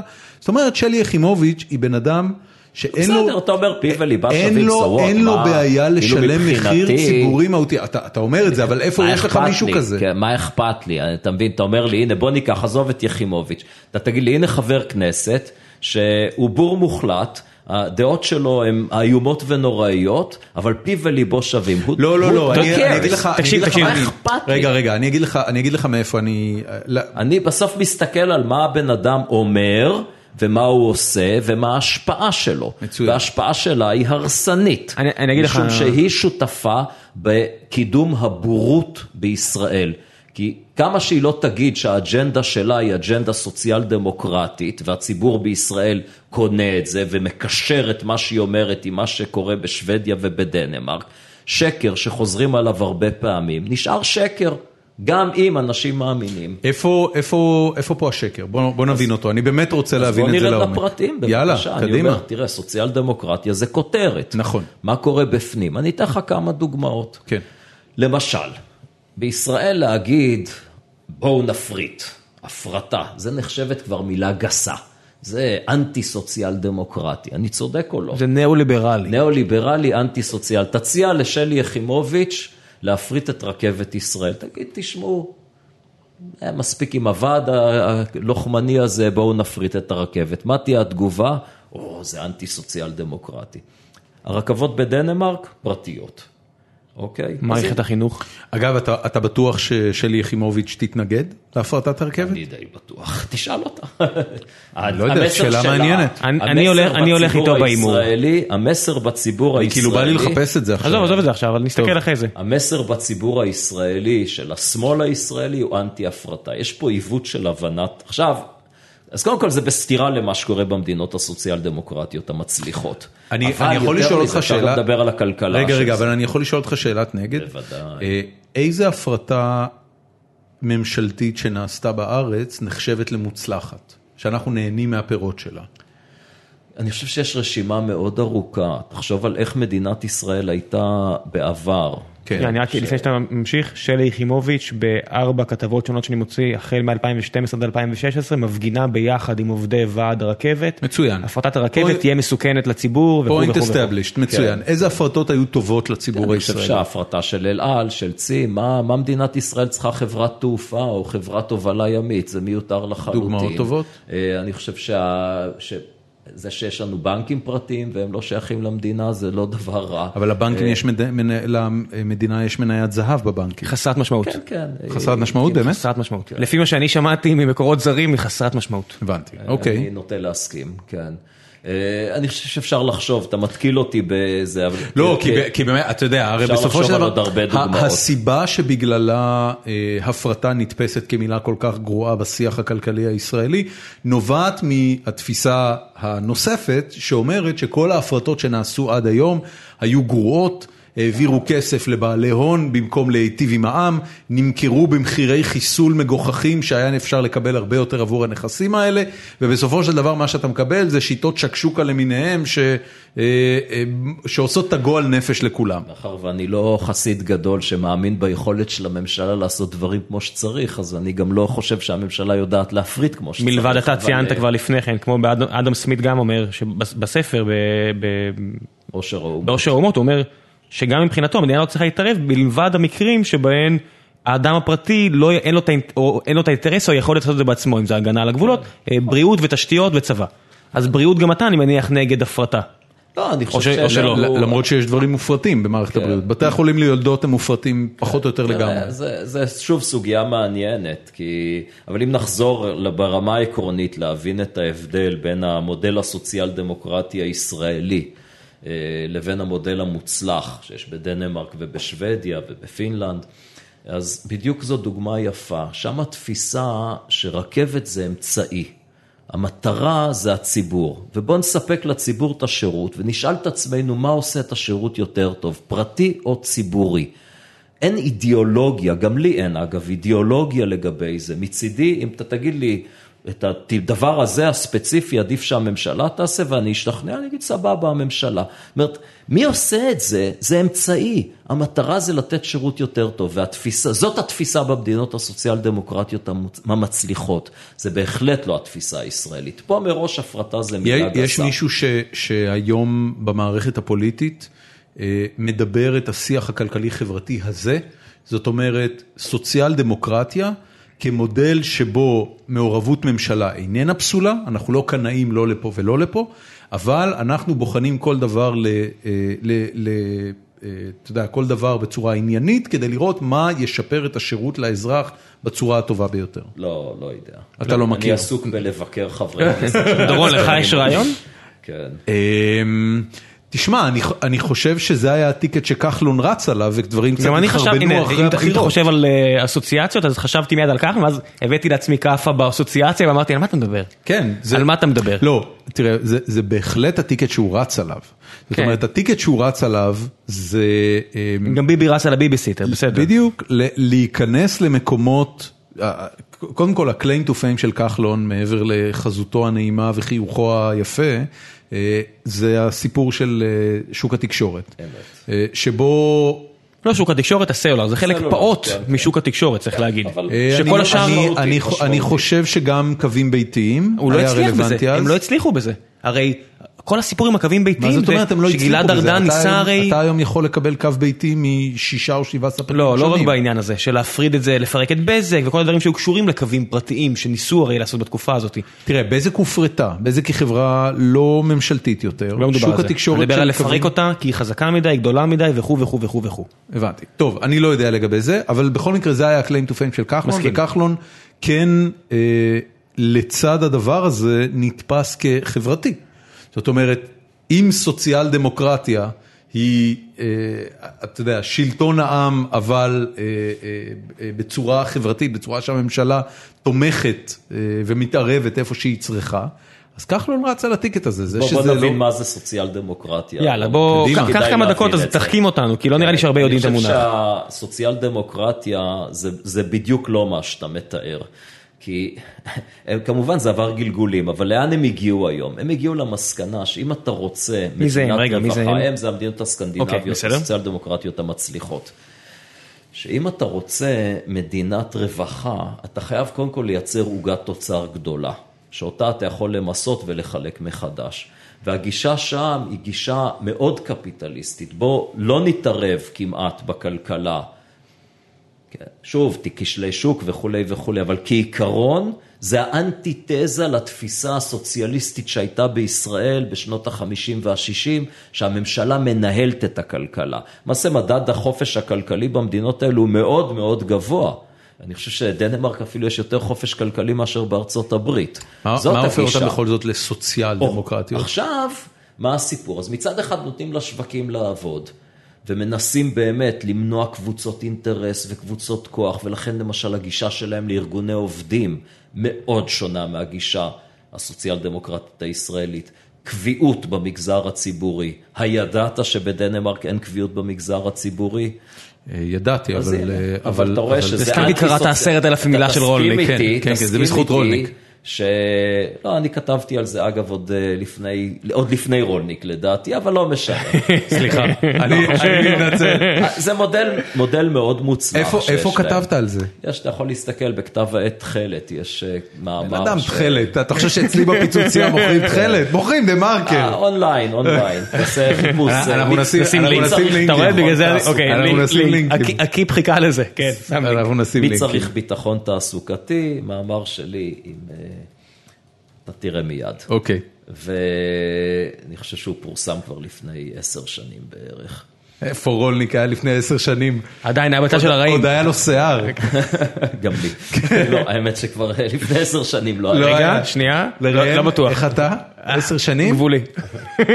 לדעתי היית בדמדומים, אני זוכר כאילו... כן, על הפנים הסיפור. הזה. ג- סירקת על הצד משהו. יש מצב. כן, כן. עקרונות כלכליים מ... כן, כן, הוא לא, עוד, לא אה, יודע. ניסה להיאחז. לא, לא יודע. לא, כן, זה אה, אתה עובר יודע, לכולם. כש- כש- כשאתה יודע שמשהו הולך להיגמר, אז אתה מנסה למצות את הדקות האחרונות. זה היה לו שיער ארוך, פרוע. כזה. בן אדם, היום, היום אני דו- הדוקטור לענייני, אתה יודע, אני זה שמביא את הבשורה, ואתה יודע, אנחנו הולכים לראות משחק כדורגל, ו- וזה דברים שקורים, שאומרים לי, השחקן האוקראיני זה צריך שיחה עמך. מה, שמסתיר את הקרחת? כן, כן, ב- בסיינפלד יש איזה קטע ש- שאיליין אה, מדברת על איזה בחור שהיא יוצאת איתו שמגלח את הראש והיא אומרת שלדעתה צריך הרבה אומץ. אז ג'ורג' מצביע על הקרחת שלו למעלה ועל מה שהוא משאיר ומגדל מסביב והוא אומר לה זה אומץ, ללכת עם הדבר הזה כל יום במשך 20 שנה זה אומץ. אמת, אמת. כן. וחזרה למודל- למודל למאזיננו, כן. עושים פרויקט על הראש, כן. ול- ולהלוואות פחות מבישות. כן.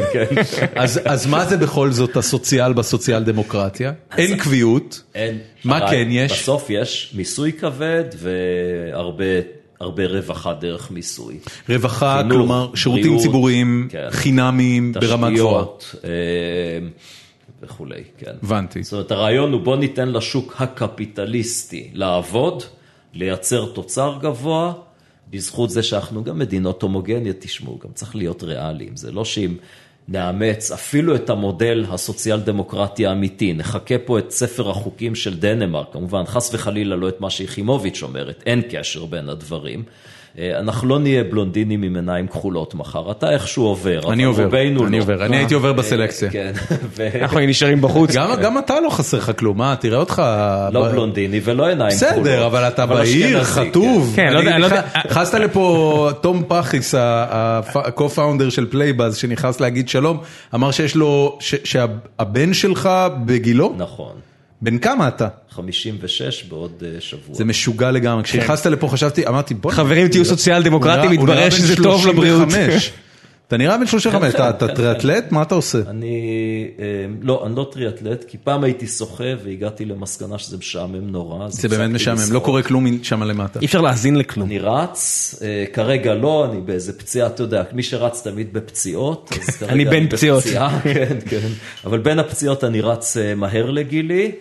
אה, מה, ממש מרחקים ארוכים, מרתונים? אה, וכאלה? לא, לא, אז חמישה ועשרה אוקיי. קילומטר, אבל פודיום, אין ריצה בלי פודיום לקבוצת גיל. נייס. ו- מה זה אומר פודיום בעשרה קילומטר לקבוצת הגיל שלך? השיא שלי שעשיתי ממש לא מזמן, 39-13. 39 דקות לעשרה קילומטר כן, ריצה? כן. וואו, אני... כן. that's crazy. במרוץ האחרון שירדתי מ-40, אני חושב שהייתי אה, 30 יפה. שנה- 30 שנה מתחתיו.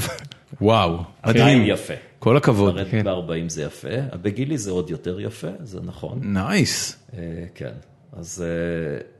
אה, מתוחזק היטב. חן חן. בוא אבל נעבור, בוא נמשיך. אני רוכב על אופניים וחותר בקייק, זה ההשלמה. קבוצה או לא, רגע, רגע, לא עשיתי, לבד? אני, אני, שלמקרה, ש- לא, חשבתי על זה, השיא היה 45, ירדתי מ-45, לא מ-40. מאזינים, אל תתקנו אותי אם תיכנסו לשוונג ותראו שטעיתי, ירדתי מ-45 בשיא. הוא הביא בי 5 דקות יותר טוב, בהפרש גדול. כן. כן, מבט אוקיי. למרוץ אגב, כן. זה האתר לראות תוצאות. אז אני מתקן את מי מי שצריך. מי כן. הבא ב- ברשימת האידיוטים השימושיים של לא, אני הכלכלה חושב הישראלית? שמבחינת אידיוטים שימושים, אני לא רוצה להכתיר עוד אנשים, אבל אני רוצה אולי להסביר למה יחימוביץ' זוכה בתואר אידיוט כן. שימושי. כי בעצם, ובוא ניקח פה דוגמה מאוד יפה, מאוד חשובה להבדל האדיר בין האידיאולוגיה שלה, שהיא קוראת לה סוציאל דמוקרטית, ושהיא באמת לא סוציאל דמוקרטית, וזה הרעיון של אה, להגן על התעשייה והחקלאות המקומיים על ידי חסימת יבוא. אז קודם כל עובדתית, בדנמרק ובשוודיה זה פשוט לא קיים כעיקרון. גם מעצמות חקלאיות. אין חסמי, אין חסמי יבוא. לא למרות רוצה למרות להגיד- שיש תוצרת חקלאית מקומית. כן, מדהימה, כן, בדנמרק. כן. אני לא רוצה להגיד שאין, שלא תפוס אותי על המילה, אין פה ושם אולי משהו שכן יש טיפה הגנה. אבל כעיקרון, הקו המנחה הוא, ולדעתי כמעט שלא קיים, אולי לא קיים בכלל בדנמרק, אני זוכר, שוחחתי עם... אה, איך, עם אני אני חייב לשאול, מה לא מה קיים. מיוחד כל כך בדנים? הרי בסופו של דבר דניה היא מדינה, כמו שאתה אומר, עם מיסים מאוד גבוהים. נכון. ורמת השכר הממוצעת בה, כנראה גם של חקלאים, היא משמעותית גבוהה יותר מזו שבפולין, למשל. נכון. ואין שום בעיה לייבא תוצרת חקלאית זולה הרבה יותר מפולין. אז איך בכל זאת החקלאים שורדים? מה קורה פה? אה, אז א', יש דברים שהם יכולים, תראה, אוקיי, אז באמת צריך להבין פה, זו טענה מעניינת. הרי בוא, בוא ניקח את הטענה שלך צעד קדימה. נגיד שנחסיר את כל חסמי היבוא מישראל. כן. מה שאפשר לקנות בזול, ויותר זול ממה שאנחנו מייצרים, לא נייצר, נקנה. כן.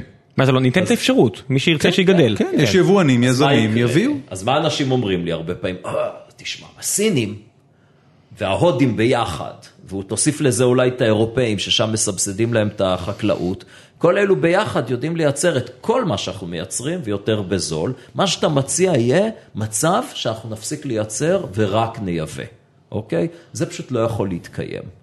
לא יכול להיות, זה מה שצריך להבין כלכלה בשבילו. זה, זה לא יכול להיות במובן הזה שזה לא יקרה, או לא שאסור יקרה. שזה לא, יקרה? לא, לא, לא, לא יכול להיות כי לא יקרה. זה חשש מופרך. הבנתי. אוקיי? מדוע? כי אנשים, בדיוק כמו יחימוביץ', ולכן כלל הציבור בישראל, מאמינים שאם אתה תסיר חסמי יבוא, מצד אחד אתה תהנה מרמת חיים יותר גבוהה, מהורדה של יוקר המחיה, ואגב רואים את זה בהמון דברים ובהמון מקומות. אני חושב שהיום עשיתי פוסט, אני לא יודע אם יצא לך לראות במקרה. תגיד לי על מה, אולי ראיתי. על, אה, על אוסם, נדמה לי על זה שהם עושים עכשיו קצת הוזלות. כן. אז מה פה, וציטטו שם מישהו אנונימי, מומחה, שככה אמר ש... מה הוא אמר? זה מין משפט ממש מצחיק, ש... אה, עכשיו שיש להם תחרות, הם פתאום נזכרים להוריד מחירים. כן. אני אומר, מה אתם רוצים? הם חברה למטרות רווח. נכון. כל עוד הממשלה, בעזרת אידיוטים שימושיים, חסמה להם יבוא, אז הם עשקו את הציבור. והנה, ברגע שהצליחו להסיר חסמי יבוא, בעיקר דרך תקינה, לא רק מכסים, חסמי יבוא סיפור מאוד מורכב, זה לא נורא פשוט שרק אומרים נסיר נכון. והם ייעלמו. כי צריך להילחם במכון התקנים, צריך להילחם בעוד מגוון אדיר של מנגנונים שחוסמים תחרות בישראל. אבל העובדות הן נורא ברורות, שמצליחים בזה, יוקר המחיה יורד. כן. ויש עוד עובדה, שמשרות נהרסות. כן. אבל מי שעוצר כאן לא רואה את התמונה המלאה. וכאן הציבור בישראל עוצר, וכאן האידיאולוגיה יחימוביצ'ית המזיקה. שאו בגלל שזה הורס משרות, אז עדיף שכולנו נחיה ברמת חיים יותר נמוכה, כך היא אומרת. אבל נגן על משרות. והנה האמת הכלכלית. זה לא מגדיל את האבטלה בכלל. מדוע? כי משרות נהרסות, משרות אחרות נוצרות. בדיוק מאותה סיבה שאם אנחנו נסיר חסמי יבוא לחלוטין, לא, נפ... לא נפסיק לייצא ולא נעבור להיות רק יבואנים. כי ככל שמייבאים יותר, גם מייצאים יותר. הנתונים בישראל הם פשוט מדהימים. הגרף, אתה יכול להסתכל על הגרף של 30 שנה של היבוא, הגרף של ה-30 שנה האחרונות של ייצוא, הם ביחד. פשוט אותו גרף. אני רוצה לתת לך דוגמה לשוק שבו לדעתי כן אה, פתיחה, פתיחת השוק הישראלי הובילה להרס. אה, תעשיית הטקסטיל. כן, כן, לא, אין ויכוח, אין לנו ויכוח. זאת אומרת, זה כן יהרוס תעשיות שלמות. לא, הוא אומר, גם בשוודיה זה קרה שטקסטיל נעלם כן. לגמרי. אתה יכול להסתכל, זה ציטוט בכל הרצאה שלי, אם אני מספיק, אני מראה תמונה, שמי שמדבר, מתוך הדה מרקר באמת, מי שמדבר זה לא איזה כלכלן או תעשיין, זה נציג ארגון העובדים. והוא אומר, תראו, הגישה שלנו היא כזאת, שאם אנחנו לא יודעים להתחרות, אז צריך לסגור את הביזנס ולעבור למשהו אחר. היו לנו תעשיות של טקסטיל, היו לנו מספנות.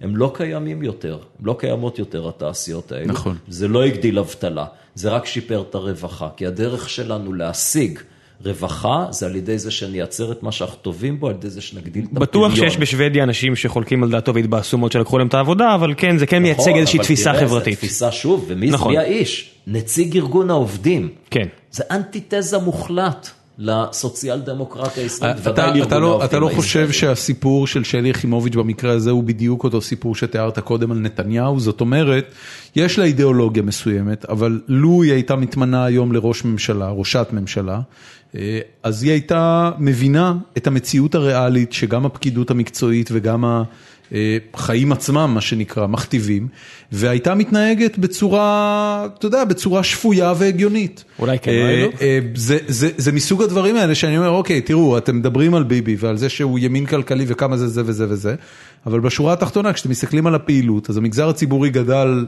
לגודלו הגדול ביותר אי פעם. תקציב הביטחון רק הולך ומתנפח. נכון. אף אחד לא באמת אה, מפסיק לקבל את הפנסיות התקציביות. יש החלטות טובות, החלטת הנומרטור נכון. שמירב ארלוזורוב אה, אה, עכשיו אה, אה, דואגת לתקשר ולשבח, וזה באמת דבר מאוד ראוי, שבמסגרתו שום, הוצ... שום אה, הוצאה ציבורית חדשה לא, תל... לא תלווה במקור של ההוצאה. זאת אומרת, אתה לא יכול סתם להתחיל להעמיס על תקציב המדינה או דברים. החלטה מאוד נבונה, אבל יכול להיות שגם שלי יחימוביץ' הייתה מקבלת אותה. גם ממשלות העבודה עשו צעדים טובים בעבר. זאת אומרת, זה לא סיבה, אה, אה, אני מנסה להגיד ש...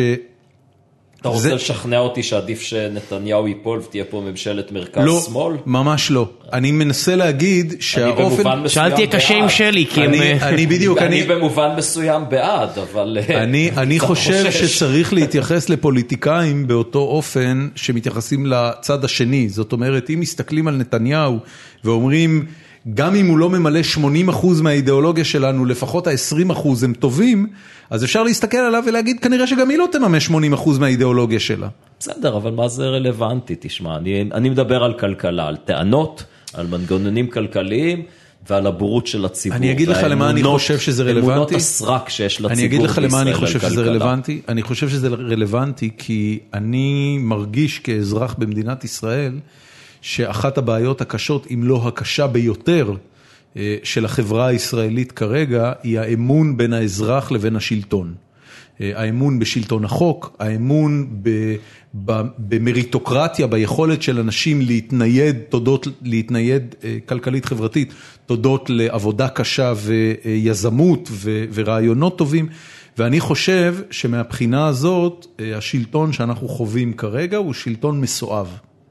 אה, בהרבה מובנים, ולכן אני חושב שהוא צריך להתחלף, דמוקרטית, אגב, דמוקרטית הוא צריך להתחלף. אפשר, כמו אה, שלואי סי קיי אמר, אה, אני חושב שזו שיטה טובה שפעם אנחנו ופעם הם. אני רוצה לקחת שנייה את הדיון מאצלנו, מנושא שלפי דעתי בקרוב מאוד יגיע אל שפתיהם של שלי וחבריה וגם אתה מהצד השני אולי, או תכף נגלה שלא. אתה, אתה כלכלן מקרו, נכון? אמ, אני יודע, קשה להגדיר, אני עוסק, אה, אני לא מקרו סטנדרטי, לא לא לא קלאסי. במובן של, אה, אני לא עוסק במחזורי עסקים במחקר שלי, אלא תופעות מקרו-כלכליות ארוכות. אז רציתי לשאול אותך על... וגם במיקרו, יש לי מחקר במיקרו-כלכלה. אז דווקא במקום שבאמת הכלכלת מאקרו מתחברת עם המיקרו, עכשיו יש את העניין של עכשיו בשוויץ היה את המשאל עם על אה, שכר בסיסי לכולם. כן. שאני מניח שזה יזלוג אלינו בעתיד הנראה לעין, הדיון הזה. זה- איפה... את- זה- זה אפילו לא שכר, זו קצבה. זה לא... לא, אז הם קוראים לזה שכר, זה בדיוק הנקודה. בסדר שהם הזה- קוראים לזה שכר, זו קצבה. נכון, אבל הטרמינולוגיה קובעת הרבה, כי אומרים אין יותר קצבאות, יש שכר בסיסי לכולם. אה, עבור מה? קמת בבוקר? כן, כן. כן, אה, עבור, אוקיי. לא, אתה לא. חייב לקום אבל בבוקר, אז- זה אז- באמת, זה- אז אני הייתי... זה לא נכון לקרוא לזה שכר, זה נכון לקרוא לזה קצבה או מס שלילי. אז אני, אז נכון. לא, אבל הנה, מס שלילי הוא רק על אם יש לך הכנסה למשל נמוכה. לא, לא, לא, לא, לא. שוב, מס שלילי זה מילה. פה כן, בישראל. לקחו אותה לכיוון מסוים של סובסידיה של בעלי כן. הכנסה נמוכה בתמורה לעבודה. אבל אם אתה שואל איפה אני נמצא בנושא של מה שהסוציאליסטים קוראים basic income, כן. זה המינוח, אז זה בטח הכנסה בסיסית, זה לא שכר בסיסי. בסדר, אתה צודק, תרגמתי את זה. בראש לא נכון. כן, ואני מאוד אוהב את הרעיון, אבל לא כמו שהם מציעים אותו. אז בוא בוא תספר קצת על הרעיון הזה, כי זה משהו שיש? בעולם. מי התומך הכי גדול של הרעיון הזה? האקונומיסט אני קורא את זה תמיד. מילטון פרידמן. כן, זה בדיוק מהחבר'ה מילטון שלו. למה? מילטון פרידמן, ובעצם לעניין הזה כלכלן משיקגו, כן, אה, אבל... ניאו-ליברל. כן, הוא, פרקטי, פרגמטי, הוא לא אידיאולוג של ניאו-ליברליזם, whatever that means, אם יש דבר כזה בכלל. מה הרעיון? מה כלכלנים חושבים שנכון במיסוי? שהמערכת תהיה הכי פשוטה שאפשר, שלא יוצרת עיוותים מיותרים, לכן בסיס מס מאוד רחב, שיעורי מס מאוד נמוכים. זה המערכת האידיאלית. איך יוצרים מערכת כלומר, כזאת? המיסוי הוא נמוך, אבל כולם משלמים, נכון, והגבייה היא רבה. נכון. איך מייצרים מערכת כזאת, שהיא גם, יחד עם זה, פרוגרסיבית?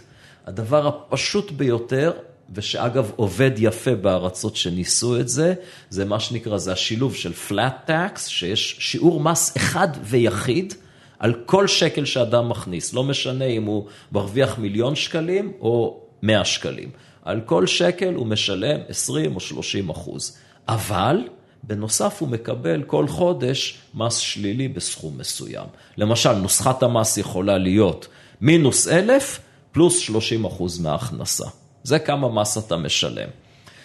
מה זה עושה? עכשיו שוב, צריך, אנשים קשה להם עם הקונספט הזה, כי אומרים, מה, אז המדינה תיתן אלף שקלים הכנסה בסיסית גם למישהו שמרוויח מיליון שקלים?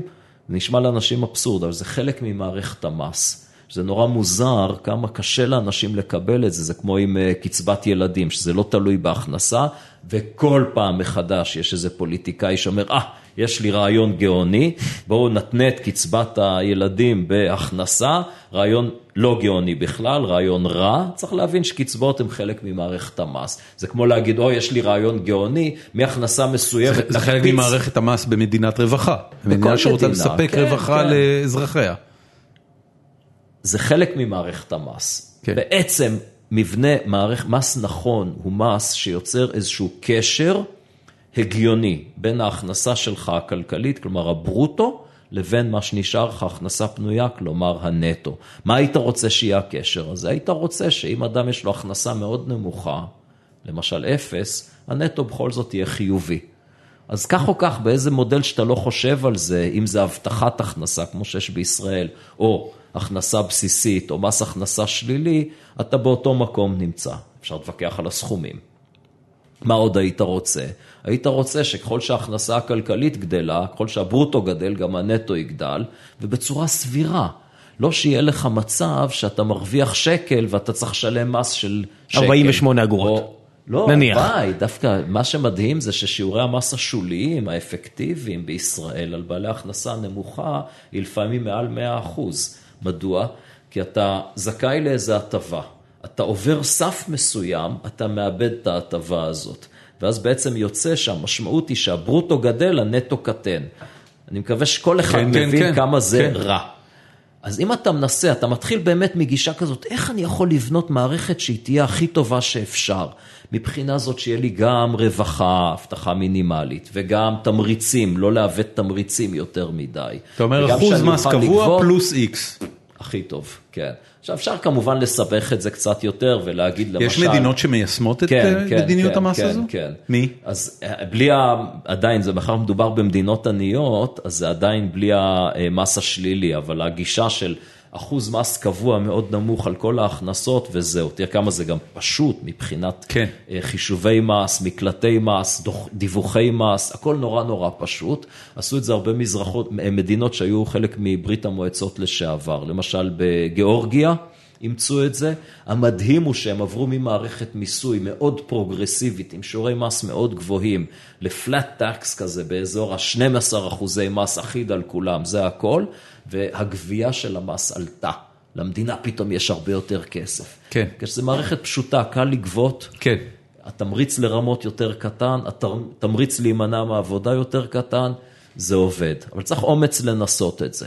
אז אני מאוד אוהב להם את זה הרעיון הצליח? הזה. הצליח מאוד. כן. מה, מה, במה זה מתבטא? באיזה מתבטא פרמטרים? בזה ש- יותר יותר הכנסות? לא, לא, אבל מה מה זה עושה למדינה? אז, לא- אז זה, זה, מצד אחד זה יוצר מצב שאנשים עובדים ונשאר להם נטו גבוה, כן. ומצד שני הם גם משלמים יותר מיסים. נהדר. ולמדינה יש יותר כסף לבצע מגוון רחב של פעולות, ואני מניח שהשלב עכשיו, אתה, מסוים, אתה ציינת קודם שהיית במשך אה, שנה יועץ של שטייניץ. אמת. ואני אשאל את השאלה הבאה, כי מן הסתם את מה שתיארת הרגע, כנראה שגם אמרת לא, וכנראה שזה נפסל על הסף, כי הוא אמר לך, עזוב אותי באמא שלך, מה אני, כן. על מה אתה מדבר איתי פה? אני בקושי, בקושי שורד את הקדנציה הבאה, אם שרה לא תגיד אה, לנתניהו שיקדם אותי. אבל אני, אני כן אשאל, איזה אחוז בכל זאת מהרעיונות הטובים יכולים לעבור במער, במערכת הפוליטית הישראלית? אני חושב שאחוז אפסי. וזה באמת חוזר לבעיה הבסיסית, כמו שאתה הסכמת איתי, אפילו הצדקת את ההתנהגות של נתניהו, ואני כן, אני, אני איתך. לא הצדקתי, רק אמרתי שהיא רציונלית. כמובן שהיא כן? רציונלית. רציונלית. אז כל עוד פוליטיקאים מתנהגים באופן רציונלי, אוקיי? ופוליטיקאי שלא יתנהג באופן רציונלי לא ישרוד. כן. אז כל עוד הם מתנהגים באופן רציונלי, אז הם חייבים לעשות מה שפופולרי בציבור. כל עוד הציבור שלנו הוא בור מוחלט בענייני כלכלה. אז אנחנו לא, לא יקרה כלום, פשוט לא יקרה שום דבר. מה, מה רמת לימודי הכלכלה היום במערכת החינוך הישראלית? אני, אני אגיד לך, לפני כן. שתענה לי, אוקיי. אני, אני אגיד לך, הייתה לנו שיחה עם אה, אה, יור? יורם יעקבי, יעקבי, יעקבי? או שה-R&D מייקרוסופט, תחפשו את השם. הוא מנכ"ל, אה, אה, מנכ"ל מרכז הפיתוח של מייקרוסופט ישראל. אה, של מייקרוסופט בישראל, סליחה, מייקרוסופט ישראל זה ישות שיווק ומכירה, מרכז הפיתוח הוא שייך למייקרוסופט העולמית. אה, והוא אה, מנהל את המרכז ודיברנו איתו והוא הזכיר את אה, תוכנית החמש יחידות אה, שבנט מקדם עכשיו באגרסיביות רבה ובהצלחה לא מבוטלת, כך מסתבר, וכמה הדבר הזה הוא מעולה וחשוב לצורך העצום שיש בלגדל פה עוד ועוד ועוד דורות של מהנדסים. ואני אומר, אוקיי, מה שאתה מתאר לי, בסופו של דבר, כשאנחנו יורדים ל bottom line, ואנחנו מתקרבים ל bottom line, הוא בעיה של חינוך. זאת אומרת, יש כאן שילוב של, מאיפה אנשים הרי מקבלים את המידע שלהם? הם מתחילים במערכת החינוך, זה ממשיך אחרי זה מההורים כמובן, ומאמצעי התקשורת, ההורים ניזונים בין, בין היתר מאמצעי התקשורת. מה צריך לקרות ומה אתה עושה כדי להחדיר בצורה ברורה את הדבר הזה אה, לתוך השיח, לתוך מערכת החינוך הישראלית, לתוך התקשורת הישראלית. כן. אני עושה, אבל זה טיפה בים מה שאני עושה, כי באמת הנכונות של התקשורת המרכזית אה, להקשיב לי היא די מצומצמת. אני גם מודה שלא כל פעם שמזמינים אותי לתוכנית בוקר בערוץ אה, כזה או אחר, וזה באמת הטלפון שפה לא עניתי לו, זה בדיוק הזמנה כזאת. באמת? כן. חמש וחצי, שמע, זה קשה. אותי- הזמינו כדי לדבר על הפיגוע, ואמרתי להם, לא, למה? מה? בסדר, אבל זה בנפשו, אבל מי, הפיגוע, מה? אבל הקהל שלו לא ער בשעות האלה, לא צופה בטלוויזיה לא, בשעות הבעיה האלה. שלי אחרת, זה שאני אני קם מוקדם, אבל בשביל לעשות ספורט, אז כן, אה, כן, העלות כן, כן. של אה, ללכת... אתה אומר בשורה התחתונה אתה רוצה את הלייפסטייל שלך. לא, זה גם לא הקהל שלו. זה גם לא, זה, זה, גם זה מתסכל אותי להגיע, כי בעצם, אה, למרות שיש לי הרבה מאוד ידע רלוונטי, מטבע הדברים יש לי עמדה, אבל אני כן יכול להיות מומחה, ובהחלט אני, אני מודה שאני מוצא את זה מתסכל, שאם אני מגיע לתוכנית בוקר, נגיד אורלי וגיא, זה קלאסי, דוגמה מצוינת לעניין הזה, אולי עם אברי גלעד והילה קורח זה פחות. הילה הייתה פה. הילה נפלאה. כן. אנחנו מעריצים גדולים של הילה. אז תלכלך רק על האברי, עזוב אותה, תלכלך רק על האברי. לא, לא, אני לא אלכלך על אף אחד. מה ללכלך? למה אתה ככה? אה, כי הם יותר, אה, בעמדות שלהם, יותר פתוחים כן. אוקיי. לשמאל וימין. בשונה נגיד מתוכנית הבוקר של ערוץ 10, שדווקא הם מזמינים אותי הרבה ואני אוהב להיות שם, אבל אה, זה, זה ברור לגמרי איפה המראיינים. אתה על תקן קוריוז. אני על תקן קוריוז. אני מביא את הידע הרלוונטי. ואני על תקן קוריוז כן. שם. אז אה, זה חסר טעם כמעט. הם מביאים אותי ולידי שמים איזה מישהו, מה שנקרא ועד שוכרי הדירות, איזה בחור או בחורה צעירים שבמחילה אין להם מושג מהחיים אני אגיד לך שלהם. בדיוק מה קורה. מבחינה תקשורתית, אתה מגיע ואתה אשכנזי פריבילגי וחתיך, עם. תואר של חן, פרופסור באוניברסיטה. לא, באמת, אתה חטוב, אתה יודע, אני מסתכל עליך... דורון בדיוק הגיע לגיל רגשות 40 אשמה. ו- ואתה יודע, כן, אומר, די עם הפחמימות. אני- נלחם בצמיגים, אתה מסתובב פה עם 4% שומן. בקיצור, אני, אני, אתה יושב שם, ולידך יושב מישהו שהוא בבירור אה, מגורל הרבה פחות טוב משלך, והוא מייצג את מי שיושב בבית. אתה יודע, זה, זה קולנועי, הוא האנדרדוג. ואתה יושב שם, ואתה לא ולא האנדרדוג, מסכים, ואתה כי- מטיף לאידיאולוגיה ש... כי כשמגיע אה, אשכנזי פריבילג, אה, אמנם לא חטוב כמוני, כי יש מעט, אבל, אבל, אבל עדיין אשכנזי פריבילג וקריסטן. סוציאליסט, אה, אז הוא, אליו מתייחסים כמומחה, לא כקוריוז. אני, אני, אני רוצה לשאול, אה, אוקיי, אני, אני אולי אחדד את הנקודה. האם, אמ, האם זה לא הדבר הנכון לתפוס כמה אנשים, אתה יודע, לצורך העניין, גיא רולניק אה, עשה את מגש הכסף. אני חושב שהוא היה אפילו אחד המובילים של הפרויקט הזה, זה לא סתם שהם באו אליו בתור טאלנט שינחה פרק, אלא הוא היה כאילו, רוחו מרחפת מעל כל הסדרה. אה, זה מעניין מה אתה שאתה אומר, מהנהן בראש. כן, אתה- כי הרי הוא כתב בצורה מאוד ברורה שאין לו שום סימפתיה, לא, ל, לא, לא לאדונים המכובדים ירון זליכה ודני גוטווין, ודאי לא לעמדותיהם. נכון, הוא ממש- לו- הוא ממש אבל סולד יש- מדני. אבל יש לו הרבה סימפתיה להשכלה כלכלית. אמת. אז הוא עשה, אני, אני קצת אה, כעסתי עליו בעניין של מגש הכסף, כי טענתי שהוא בעצם נתן בנוכחות שלו חותמת הכשר, נכון. לשני אנשים שהוא לא מסכים איתם, שזה טיעון ואני שהוא מעלה... לא מסכים איתם בכלל. אני רציתי פעם לארגן אה, debate בינו לבין סבר פלוצקר. והוא אמר לי שהוא לא, אוקיי, אני מקווה שאני לא מועל באמונו, אבל הוא אמר שהוא לא מוכן כדי לא לתת ל... למישהו כזה בעצם את הגושפנקה של כלכלן אמיתי. אני, שאתה לא שווה לו, שהוא לא שווה לו. לא, שהוא, כן, ש... ש- אבל גם רולניק הוא לא כלכלן אמיתי. לא, אבל רולניק מייצג מבחינתו את האמת. הוא, אתה יודע, סוכן של האמת. הבנתי. הוא- זה, זה כמו, כן, אוקיי. טוב, זה סוג של קנאות. אה, מה, מה לדעתך יביא פתרון לחלק מהעניין הזה? איפה אנשים היום בארץ, אתה יודע, לי יש היום ילד בן שבע, הוא רק אה, מתחיל להבין מושגים של כלכלה, אני עושה לו לפעמים כל מיני תרגילים של היצע וביקוש כדי לראות איך הוא מגיב להם. ו, ו, לוקח לו את המקל גבינה, מחזיר לו את לא, המקל לא, לא, גבינה. אני- ד- דברים מאוד בסיסיים, אה, אני, אני בודק איך הוא מרגיש לגבי מעורבות, מעורבות ממשלה, במקרה שלו זה מעורבות של, של בית הספר, אה. אבל אה, אני מדבר איתו על מה הוא חושב על תלבושת אחידה, והאם זה דבר טוב, האם זה דבר, אתה יודע, ערכים בסיסיים, מדברים. ואיפה הוא, איפה הוא ירכוש את הידע הזה? אתה יודע, הוא היום בן שבע, איפה מעכשיו עד גיל 25 נגיד, הוא בכלל, מישהו ידבר איתו על הדברים אני אגיד האלה. לך משהו מאוד מעניין לדעתי, בדיוק הזכרת לי את זה, שמכל הפעמים הרבות שהופעתי בתקשורת, יש פעם אחת שבאמת מאוד אהבתי את זה, וזה היה יוצא דופן, וזו הייתה התוכנית של ירון לונדון, מה זה מוזה במעבדה, שהוא מארח באולפן ילדים. כן. ושם אני בכלל, א', לא הייתי קוריוז, הגעתי בתור פרופסור לכלכלה, ומה שיפה זה שלא הייתי צריך לתת נאומים או טיעונים, כלום. אני בסך הכל שאלתי את הילדים שאלות, וראיתם תופעה מדהימה. איך ילדים אינטליגנטים, כמובן, זה לא בחרו סתם, זה ילדים אינטליגנטים שם, בלי שאף אחד דפק להם את השכל עם הטפה סוציאליסטית פופוליסטית, המוח שלהם עובד בצורה יפה. Common sense. common sense, כן. כן, תשאל אותם שאלות פשוטות, אה, כן. מי, מי דואג לזה? זה פשוט, זה פשוט תוכנית פנטסטית. יצא שם, באמת יוצא. הנה, ראם רושם, אנחנו נשים לינק. רושם, כן. כן, הכל כן, זמין אונליין. את- המאמר שביקשת כבר מצאתי. כן, אוקיי. מה, שאלת אם מי כתבת אותו? להזכיר לך? עם עופר כהן? עופר כהן, כן, אוקיי. כן, עופר כהן. ויש עוד מאמר עוד לפני כן שיצא, שהוא גם מעניין מאוד עם אה, הדס גבאי, גם בכתב העת תכלת, על אה, איך הוא נקרא, משהו על, על השביתה בישראל. הוא מאמר יוצא מן הכלל. מדוע? א', כי באמת אה, הדס עשתה שם עבודה יוצאת מן הכלל, וב', משום שהוא מראה כמה... כיצד פותרים את בעיית השביתות? כן, בדיוק. הוא מראה כמה בישראל הרחקנו לכת עם זכות השביתה, עם חוסר האיזון, עם הכוח האדיר המופרז של ארגוני העובדים, ביחס לכוח הממתן של הצד השני, שכמעט נעלם לחלוטין. יש לך תמונה של רייגן והפקחי טיסה איפשהו בחדר? מה, מה, מה הסיפור הזה?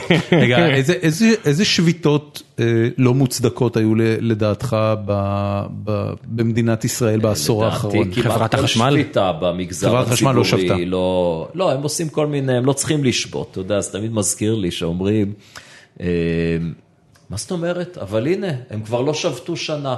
זה כמו שאני אגיד לך, תשמע, אני אבוא למשטרה ואגיד, תשמע, יש פה מאפיונר, הוא מחזיק אקדח לרקה שלי, ואני משלם לו protection, והשוטר יגיד לי, מה אתה רוצה? הוא לא ירה.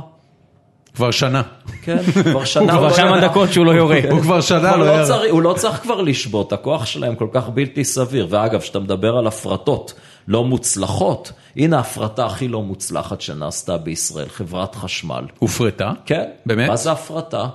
להעביר משהו ששייך לציבור לאנשים פרטיים. כן. מי שולט בחברת חשמל? אני לא יודע מי. ארגון העובדים, הם אנשים הבנתי. פרטיים. נמ- נמלי ישראל, נמלי הים והאוויר. הופרטו, נכון? כן, מהבחינה הזאת הם אוקיי. לגמרי אלו בשליטת ההפרטות הוועד. הכי גרועות שהיו. כן. וכשארגון עובדים שולט זה הרבה יותר הם לא, גרוע הם לא מטייקון נתפסים ששולט. אגב כהפרטה, זאת אומרת, נכון. יש חידוש רעיוני במה שאתה אומר כרגע, שאני לא שמעתי אותו מאף אחד עד לרגע זה. זאת אומרת, ההסתכלות. לגמרי, ההסתכלות על מה שקורה בחברת חשמל בתור, חברים, זה לא סוציאליזם, זו הפרטה. שבמסגרתה חברת החשמל, אה, שמספקת את רוב החשמל לאזרחי מדינת ישראל, נמסרה לעובדים. אמת. אז. אז אתה יודע, אתה יכול... עם הכוח המונופוליסטי אגב, זה, שלה. זה מיצוב פנטסטי, ואני חייב להגיד לך שאם תנסה להחדיר את הרעיון הזה, אני, קודם כל אני לא מדבר על זה שרולניק אה, ישמח אה, לקחת אותו ולרוץ איתו קדימה, אבל זה גם משהו שלאנשים הרבה יותר קל להבין.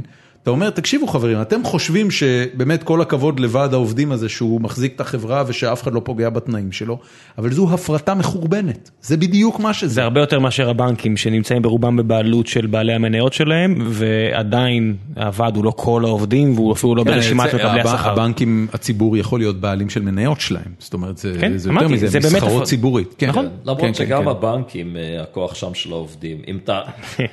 המנכ"לים של הבנקים לא יחלקו על דעתך, אתה יודע. ברור, לא, לא, אני... some of my best friends. כן. המנכ"לים של בנקים, כן, יצא לי... לא בדיוק מנכ"לים, אבל כן. אנשים שהם בכירים במערכת, אה, בעיה קשה מאוד. ושוב, הנה, דוגמה ללמה כחלון לא יצליח עם הבנקים. שמעתי שלאומי מקימים בנק חדש בדיוק כדי לפתור את הבעיה הזאת. ראם כל בונה אותו. כל כן, עוד אני- יש, את ה, יש לעובדים במערכת הבנקאות בישראל כל כך הרבה כוח, הם כופים חוסר יעילות על הבנקים, חוסר היעילות הזאת מתגלגלת לציבור, אין, אין קסם, אין, אין מה לעשות, אי אפשר כן. להימנע מזה. למה, למה, אה, למה ציינת קודם שהיית רק שנה יועץ של שטייניץ, מה קרה אחרי שנה? זה הספיק לי, כי... אז א', אתם מראש הכרתם הסכמנו לפני ל- זה? לא, הוא- לא הכרנו לפני אז זה. מה, איך הוא ידע אה, עליך? מישהו המליץ לו עליי, והוא חשב שהוא צריך יועץ כלכלי. אה, הסכמתי לשנה, ועשינו שנה. ומה, כל יום עלית לירושלים? א', אז גרתי בירושלים, אז אוקיי. זה לא היה מאמץ כזה גדול. כן, כן. אני לא תל אביבי באמת, אני רק גר בתל אביב ארבע שנים. כולם ככה, זה בסדר. כן, אף אחד לא תל לא אביבי תל באמת. אביבי באמת. תל אביב באמת בניו יורק. ואחרי שנה, זהו? לא, זה זה הספיק. היכולת באמת במערכת הפוליטית להשפיע היא מאוד מאוד מצומצמת. אז מי כן מקבל את ההחלטות שם? מה, מה בעצם קורה שם? אתה יודע, הרי בסופו של דבר מדובר במערכת מתוקצבת ברמות מגוחכות. 464 מיליארד שקל זה תקציב המדינה. אמת. כמעט הכל זה טייס אוטומטי, אין שם אה, כמעט אפשרויות משחק. אבל, אבל גם הטייס ובסוף גם האוטומטי הזה, זה דברים שהם, אתה יודע, כשאתם מדברים על זה שנתניהו כבר אה, פלוס מינוס עשור עומד בראש המדינה הזאת. כן. טייס אוטומטי זה משהו שגם בעשור אתה יכול לשנות אותו. אם רוצים, אבל לשנות טייס אוטומטי זה אומר... תגיד את זה למלזים שהם כולם. מתו ב... כן. עד שהמטוס נפ- נפל עשר שעות אחרי זה לתוך המים. אתה מבין ש... אז פשוט נתקלת במערכת של חוסר יעילות קיצוני? נקודה שנורא חשוב לדעתי להבין, שוב, שעוסקים במדיניות כלכלית, זה להבין את הסטטוס קוו, את העוצמה האדירה של הסטטוס קוו. אני, אני, אם אתה רוצה, אני אספר לך סיפור על סטטוס קוו. ספר לי סיפור על סטטוס קוו, בבקשה. אז, אה, שוב, הנה תרגיל שאני עושה בהרצאות לאחרונה. אני אומר לאנשים, שוו בדמיונכם שאתם גרים בדירת שיכון עם עוד הרבה דיירים, שלרוב האנשים קל לדמיין את זה, כי זו מציאות חייהם. כן. ואתם עושים אספת חברים, אה, דיירים, אני כבר התחלתי לדבר כמו קיבוצניק לצורך העניין. אתה- אתה רוצה לעבור לקיבוץ? אני, הספיק לי, אני הייתי בקיבוץ. אה, היית בן קיבוץ? לא בן קיבוץ, יותר גרוע, הצטרפתי מרצוני החופשי אחרי השירות הצבאי וואו, בקיבוץ. על זה הייתי. רוצה לשמוע, אבל תכף. מיד נגיע רגע. לזה, מיד כן, כן. נגיע לזה. אה, נגיד שמישהו היה מציע, בואו נעשה עכשיו קופה משותפת של כל הדיירים בבניין, ונקנה ביחד במרוכז את כמעט כל מה שצריך. זאת אומרת, אוכל, ירקות, פירות, קטניות, דגנים, ביצ- ביצים, נשמע מצוין. כוח קנייה. קונים ביחד, אה, שמפו, סבון, אה, מוצרי היגיינה, סיגריות, אוכל לכלבים. עושים רשימה ארוכה, כל אחד שם כל חודש כמה אלפי שקלים, קונים ביחד וכל אחד לוקח כמה שהוא צריך מהפעולה שיתופי. מי יצביע בעד דבר כזה? אני יכול להגיד לך שגם במול אולמות של 200 איש, אף אחד לא מרים את היד כשאני שואל מי בעד. כי ברור, כולם מבינים שזו הצעה מטומטמת. אני אומר, אבל הנה הדבר אני רציתי המעניין. להגיד שמי שיצביע בעד זה מי שיש לו הכי הרבה פיות להאכיל. אז כן, אז אנשים שחושבים, משפחות רגע, חרדיות אני- היו מרימות את היד. כן, אני יש לי, אולי אני אשלם מעט, ואני גם מעשן, גם יש לי הרבה שיער לחפוף, גם אני אוכל הרבה. אה, לא, כי גוזלים לך את ה... א', יש פה המון בזבוז, כי ברגע שכל אחד לוקח לפי צרכיו, אז זה יוצר המון בזבוז. עכשיו, זה גם מערכת הבריאות שלנו, אתה יודע, אם אתה שומר על, על בריאותך, על הח- החמישה אחוז שאתה מפריש למשכורת כל אה, חודש, כנראה שאתה תצא מופסד. אה, יכול להיות, כן. כנראה, הסכום המטורף שיצא מחייך כנראה אבל בבריאות יש אלמנט של ביטוח. וסוציאליזם, וערבות הדדית. כן, בצריכה של עגבניות ומלפפונים אין את היתרון רגע, אז הזה. אף אחד לא חושב שזה כן, רעיון טוב. אבל הנה אני אומר, בוא תעשה תרגיל עכשיו מחשבתי אחר, שנגיד שהיית נולד בחברה שכך נוהגים, שהצריכה היא משותפת כזאת, ומישהו היה בא ומציע, בוא חבר'ה, בואו נבטל את השטות הזאת. האם היית מצביע בעד הביטול?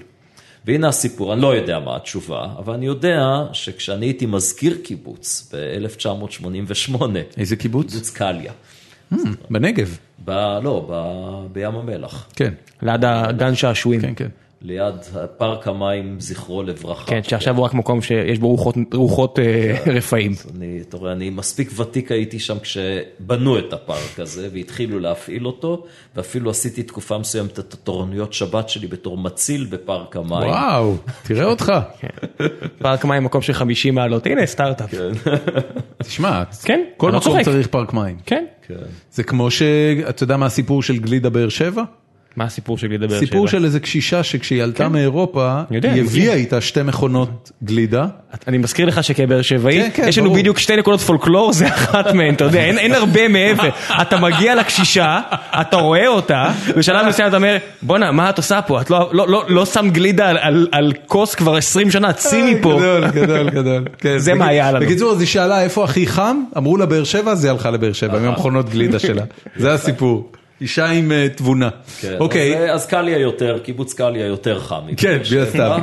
אה, אז היה לי מצד אחד נחמד אחרי ארבע שנים של אה, ניהול מטע התמרים, לעבור למשרד הממוזג של מזכיר הקיבוץ. ודבר ראשון שעשיתי, אמרתי, הרי מה שתיארתי לכם קודם זה בדיוק צריכה שיתופית של קיבוץ. כן, נכון. כל אחד מקבל, אוכלים בחדר אוכל ביחד. איש לפי יכולתו ואיש לפי צרכיו. בדיוק, בדיוק. אז אמרתי, תראו, בואו נעשה דבר פשוט. לא, בלי לגעת באידיאולוגיה, בלי לגעת בחדר אוכל, שיש את המפגש וכולי. אה, שאגב, הפרסום הראשון שלי בכלכלה, בדיוק מאמר שהתפרסם ברבעון לכלכלה, כתבתי בתור סטודנט על המודל להפרטת חדר האוכל בקיבוץ. נייס. למה זה שונה מכל דבר אחר בגלל האלמנט הזה של המפגש. כן. anyway, אמרתי, תראו, יש פה רשימה ארוכה של דברים, אה, שמפו לשיער, סבון, אוכל לכלבים, סיגריות שאתם מקבלים ועוד רשימה ארוכה שאתם מקבלים חינם. חינם במרכאות, זה עולה כסף. בואו נעשה חשבון כמה זה עולה לנו. הנה, עשיתי לכם את החשבון כבר. נחלק לפי מספר החברים. כל זה תפסיקו לקבל חינם, קחו כסף, תקנו כמה שאתם רוצים, ואם אתם רוצים לעשות דברים אחרים, למשל לקנות ספר, תוכלו לעשות את זה. כמה אנשים קפצו בהתלהבות על ההצעה? כמעט אף אחד. וואו. בסופו של דבר זה כי, עבר, כי לא רצו בחירה? כי פחדו, אנשים מפחדים משינוי. כן. וכל דבר, במקום לראות את הצד אחד, יהיה לכם כסף, תוכלו להחליט לבד, מי זה האשכנזי הפריבילגי הזה שעכשיו מנסה להזיז אותנו ואיפה הוא דופק אותנו? כן, יש חשש כזה, כן. ש... שבסוף אני אצא מופסד איכשהו. כן. בסופו של דבר זה, אמרתי בואו נעשה את זה, ראיתי שאין שום סיכוי להעביר החלטה כמו, כפשוטה, אמרתי בואו נחליט על תקופת ניסיון. זה עבר באספת החברים על חודו של קול. אלכס גולדפרב? אלכס גולדפרב? אולי. אולי. או, זה היה המיצובישי השני, הוא היה צריך לחדש את המיצובישי. כן. ובאמת כעבור שנגמר, אני חושב שזו הייתה תקופת ניסיון של חצי שנה או שנה, בתום תקופת הניסיון, כמה אנשים רצו לחזור אחורה? אף אחד. אף אחד. ואני חושב שזו יש דוגמה. יפה לכמה אנשים מפחדים מהחירות, מפחדים מהחופש ומפחדים משינויים. אבל נהנים כשיש להם אותה. נכון, ולכן יש אין ספור דוגמאות. יש דברים שהציבור תופס כגזרות שהם מצוינים. למשל אגרות גודש. מה זה אגרות גודש?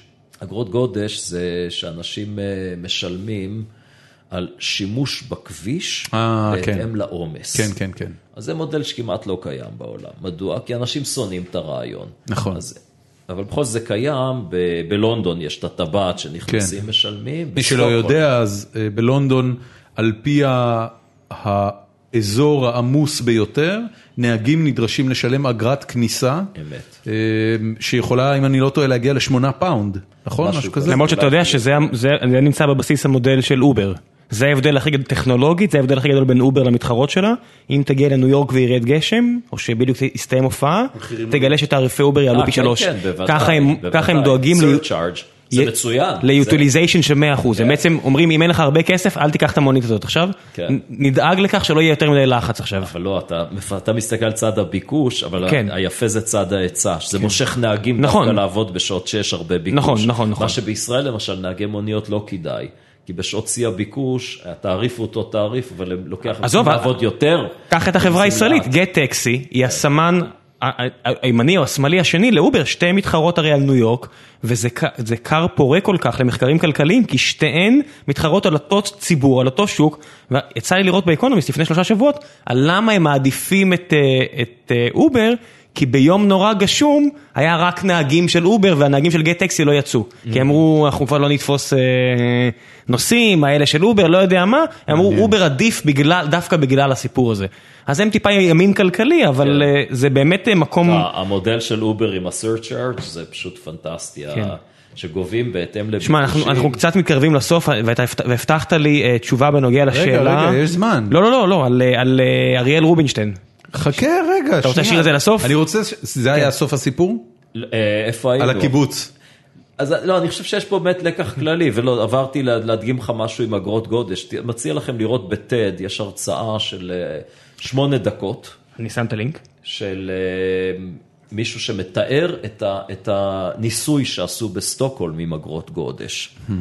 אה, ומה שמדהים שם, אני חושב, זה א', שבאמת עושים את זה לתקופת ניסיון, כי הציבור שונא את זה. אחוזי התמיכה בהתחלה הם 40 אחוז. כן. ואז מראים, מתחילים את זה, מיד הכבישים משתחררים מהעומס. אוקיי, מיד. כי אנשים בהלם, הם לא מוכנים אנשים- לשלם. לא, וזה נשאר ככה, לאורך כל התקופה אנשים מגיבים, מדוע? כי בעצם נדרשים לשלם תשלום נוסף אם הם משתמשים ברכב הפרטי שלהם בשעות העומס. וזה גורם ל... לא צריך לכולם, אבל מספיק לקבוצה קטנה יחסית, 10-20 אחוז מהנהגים, לנסוע בשעה אחרת, לוותר על נסיעה, לעבור לאוטובוס. וזה משחרר את העומס בפקקים, ורואים לאורך זמן, הוא מראה שם גרף, איך התמיכה עולה מ-40 אחוז ל-70 אחוז. מדהים. אנשים פשוט אוהבים את זה. מדהים. למה? כי הם התנסו וראו שזה עובד פנטסטי, ושמי שרוצה לנסוע זה עולה לו יותר, אבל בעצם זה אפילו לא ברור שזה עולה לו הרבה יותר, כי אתה לוקח בחשבון את הדלק שהתבזבז בפקקים, את הזמן שהתבזבז בפק, בפקקים, זה פשוט פנטסטי. והנה דבר מאוד מעניין, שכלכלנים מאוד אוהבים אגרות גודש, כי זה בדיוק הקונספט של ממילא צריך לגבות מאנשים מס. במקום לגבות מהם מס על פעילות שאתה רוצה לעודד, למשל עבודה, תגבה מהם מס על פעילות שאתה רוצה למנוע ולעודד נכון. אותם לא לעשות. תמריץ שלילי. בדיוק. זה המיסים הכי נכונים שאפשר לעשות. למה לא גובים אגרות גודש? הטכנולוגיה הייתה היסטורית מורכבת, היום אין שום בעיה לעשות נכון. את זה. אבל הסטטוס קוו הוא מאוד חזק, ואתה תגיד בואו נטיל היום אגרות גודש, מיד זה ייתפס כגזרה על הציבור, גם אם אתה תגיד במקביל, זה- אתה זה תקל על ייתפס- נטל. זה ייתפס- למשל תוזיל את הגז. תראה, זה. ייתפס בעיקר, כ... כמו הרבה דברים אגב, זה ייתפס בעיקר כמשהו שפוגע באוכלוסיות חלשות. כי הקונספט מאחורי אגרות גודש אומר, אם אתה יכול לשלם, תשלם. ואם יש לך הרבה כסף, אז לא אכפת לך, תשלם והכל בסדר. אבל אם אין לך הרבה כסף... שעובדתית, אגרות גודש זה אחד המיסים הכי פרוגרסיביים שיש. כמובן, כן. אבל, אבל מכיוון שהאגרות גודש, אתה יודע, לצורך העניין, הרי, הרי מה קורה? אתה עומד עכשיו בפקק בכניסה לתל אביב, ויש נתיב פנוי לידך, והנתיב הזה עולה 50 שקל לעבור בו. ואתה מסתכל על הנהגים במכוניות הפאר שלא, שלא אכפת להם לדפוק את ה-50 שקל האלה, כי הם ממהרים לפגישה ששווה להם פי ארבע מזה, והם חולפים במהירות בנתיב לידך, ואתה יושב אומלל בפקק במאזדה הדפוקה שלך בת 12 שנה, ש... זה, זה מעורר באופן אינהרנטי תחושת אי צדק מאוד גדולה. אני מסכים איתך, אני חושב שבאמת השיטה, אני אוהב את הנתיב המהיר, אבל היא שיטה בעייתית, זה לא בדיוק המודל של אגרות גודש. כי בנתיב המהיר מה שקורה זה שיש לך את הבחירה לשלם או לא לשלם את האגרה, ומי שמשלם את האגרה בעצם עוקף את התור. נכון. וזה לא המודל של. אגרות גודש. כן, אז הוא בעצם אתה, דפק אותך. אתה משלם כדי להגיע מהר. נכון, אבל זה לא שאתה מגיע מהר מכביש אחר לגמרי. אתה עוקף את הפקק, ואז בפקק שאחרי, איפה שמצטרפים, אה, ב... נו, מחלף... אה, whatever. נו, כמובן, המחלף הראשון זה לגרדיה, לגרדיה, ש- כן, לגרדיה. אתה בעצם עוקף את הפקק. לדעתי זה אחד לפניו, זה ההגנה. אחד לפניו? כן, לא משנה, הכל בסדר. לא משנה, כן. לא, זה לא המודל של אגרות גודש, המודל של אגרות גודש הוא אחר. שוב, אני לא, אם אתם רוצים אפשר להיכנס לדיון לא, על זה. ממש לא. אני כן רוצה, אבל- הטיעונים נגד יש לנו עוד נקודה אחת. סטנדרטיים והם שגויים. יש לנו עוד נקודה אחת שאנחנו רוצים לכסות. היה, התארח אצלנו אה, פרופסור אריאל רובינשטיין לפני אה, מספר שבועות, וזה היה מאוד מעניין, כי אנחנו מאוד התרגשנו לקראת בואו. אה, פרופסור אה, בעל שם, אה, מצוטט, מוערך, אתה יודע, דיבורים על... חתן פרס ישראל, דיבורים על מועמד לפרס נובל, אולי ביום מן הימים. והוא הגיע, והוא, ו, וניסינו לרומם אותו, והוא רק ביאס אותנו על זה, במובן הזה שהוא כל הזמן הסביר לנו כמה התיאוריה הכלכלית ותורת המשחקים, שהוא אה, אה, פרופסור ב- ב- בקטגוריות האלה, ממשפיעיה. כן. אה, לא נתפסת בעיניו כיכולה לנבא מציאות כלכלית, וכמה באופן כללי יועצים כלכליים, הוא רואה את העצות שלהם בתור לא הרבה מעבר ל-common sense, זאת אומרת, כמו שתיארת קודם ילדים קטנים, את אותו common sense, אם אתה מצליח לשמר אותו בבגרותך, אז אתה אולי תוכל להיות יועץ כלכלי טוב, אבל בזה זה נגמר. זאת אומרת, אין שום דבר מאחורי התיאוריה הכלכלית הזאת שבאמת אפשר להיאחז בו כעוגן, לדעתו. לדעתו. או לפחות לפי מה שאמרת. ו- ואיך אתה מרגיש לגבי זה? אז תראה, אז א', אני אה, בשונה, אני מיודד עם אריאל, אה, יש לי סימפתיה אליו, אני אוהב את החריגות שלו ואת האומץ שלו. אה, ומצד שני, אה, אני גם לא מתבייש לבקר אותו ציבורית, למעשה אני חושב שאני הכלכלן היחיד שכתב בעברית אה, באמת אה, ביקורת על הספר שלו עם הטענות האלו, אז אתה יכול אה, גם להוסיף את זה, אוקיי. מדיווה קלה על כלכלה, אה, מי שיקרא את זה, אז זה- שם זה יש את קליק ה... bait. כן, דיבה קלה על כלכלה. יפה. זה ביקורת מנומקת היטב שמפריחה את התזה המרכזית שלו, אני חושב שבהצלחה. השאלה, באמת מעניין אותי מה ועוד אתם כתבת את זה הבנתם. ב-2009. כן, זה מיד אחרי שהספר שלו כן, אתה יודע, יצא. שנייה אחרי שכל הכלכלנים, אה, אפשר לומר, כשלו, לא הרבה כשלו בלראות את המשבר שהעולם הגיע. תראה, אני- אני- לא אני- אני בוגר מש- כלכלה. משברים. אז אה, מעניין אותי, אבל אני רוצה לשאול אותך מה אתה הבנת. אם אתה הבנת מאריאל רובינשטיין שבעצם המחקר הכלכלי אין לו ערך להבנת המציאות או לעיצוב מדיניות, זה הטענה. אה, לא. מה שאני, מה שאני חושב שהבנתי ממנו, זה שאין במחקר הכלכלי ערך מעבר לאותו common sense שדיברנו עליו, שטבוע באדם מעצם היותו ילד אה, חושב. כן, אז, אז אה, בוא אני אגיד לך מה, לא, איפה באמת הכעס שלי על אריאל? כי בעצם אין לי כמעט ויכוח איתו. באיזה מובן? גם אני מסכים שאסור בשום אופן לבסס מדיניות על סמך תיאוריה כלכלית. בוודאי, אני מוכן גם לתת לו שהתחום שהוא עוסק בו, תורת המשחקים, שברוב המקרים הרלוונטיות, אני לא אומר הכל, אבל כמעט כל מה שהם עושים שם, באמת לא רלוונטי להבנת המציאות. אבל, הנה הבעיה האמיתית, שכמעט כל המחקר הכלכלי היום הוא לא תיאוריה, הוא אמפיריקה. הוא במקרה הנפוץ זה איזשהו מודל קטן שעוזר לארגן את המחשבה ונתונים ועובדות. אריאל רובינשטיין בוודאי סבור שנתונים ועובדות על המציאות רלוונטיים להבנת המציאות.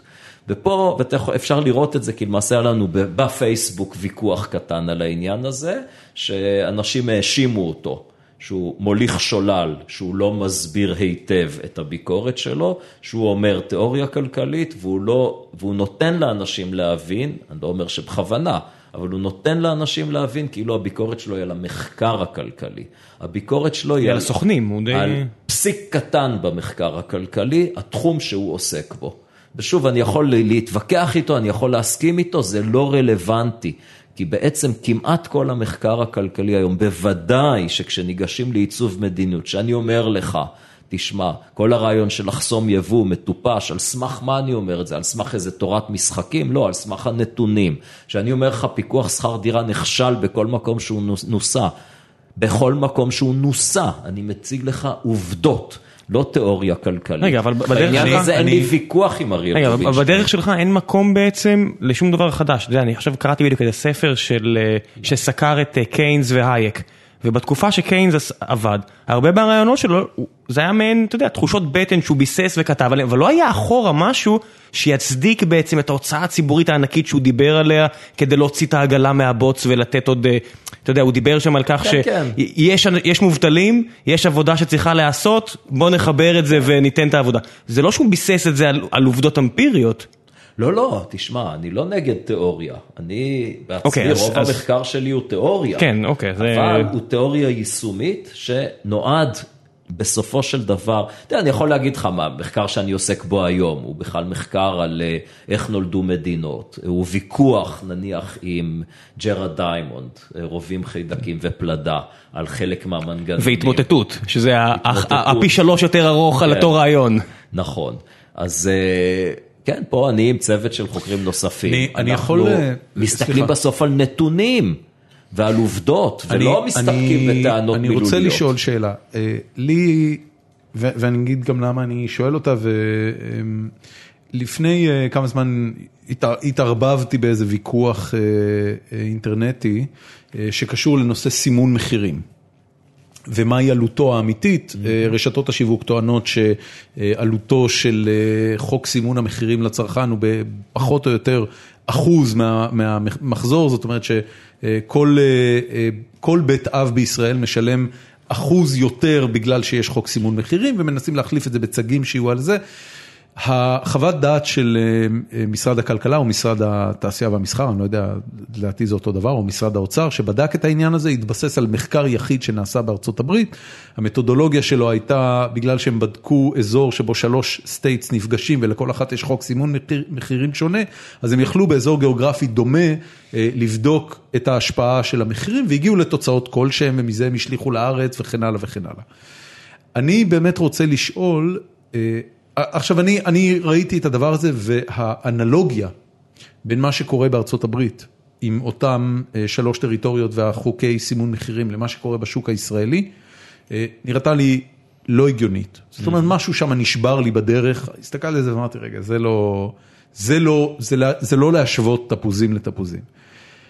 במה למשל, אתה יודע, כשאתה מדבר על, אה, על הגבלת שכר דירה למשל, ואתה אומר שהיא נכשלה, הרי אתה מדבר על סדרה מאוד ארוכה של דברים שקרו בעקבות החלת אה, אה, אה, הגבלה על שכר דירה, פיקוח כן. שכר דירה, וגם אין דינו של פיקוח שכר דירה בלונדון לדינו של פיקוח שכר דירה במקומות אחרים, כל מדינה בגלל הפוליטיקה יש לה את הניואנסים שלה ותנאי שוק שלה וכן הלאה. איך משווים?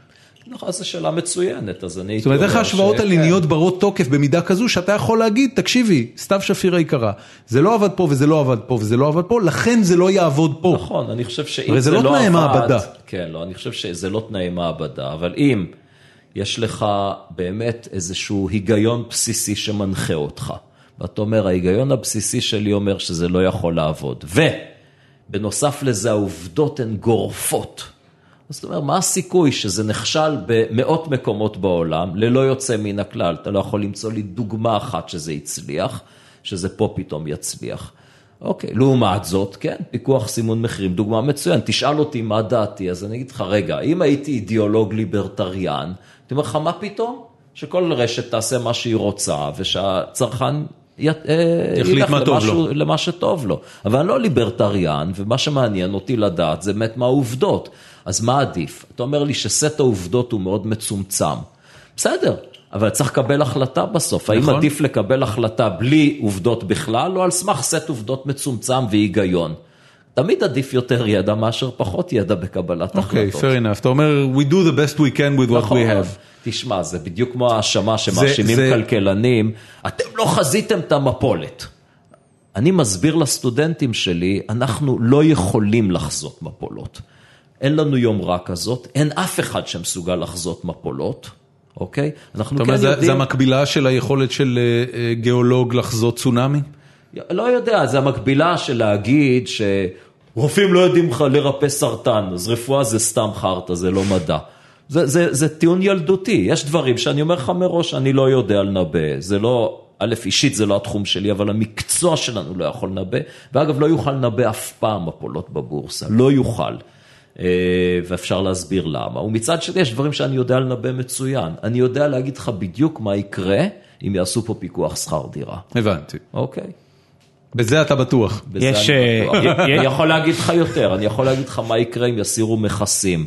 האם תהיה אבטלה? לא תהיה אבטלה. הבנתי. אוקיי? יש שוב, ספר בשם. אה, Why Nations Fall, אתה מכיר אותו? Why Why Nations Fail? אה, בטח. אז יש שם פרק של שלם, אסמוגלו ורובינזון. כן, יש שם. פרק שלם שבהם אה, הוא מפרק את הטיעונים של אה, ג'רד דיימונד מרובים חיידקים ופלדה והתמוטטות, ושאר הספר בעצם מוקדש למה הם יכולים לחצות ומה לא, וזה בערך כל הדברים. אז אם- אם אנשים, אני מאוד ממליץ על הספר בהקשר כן, הזה. רק צריך לזכור ש...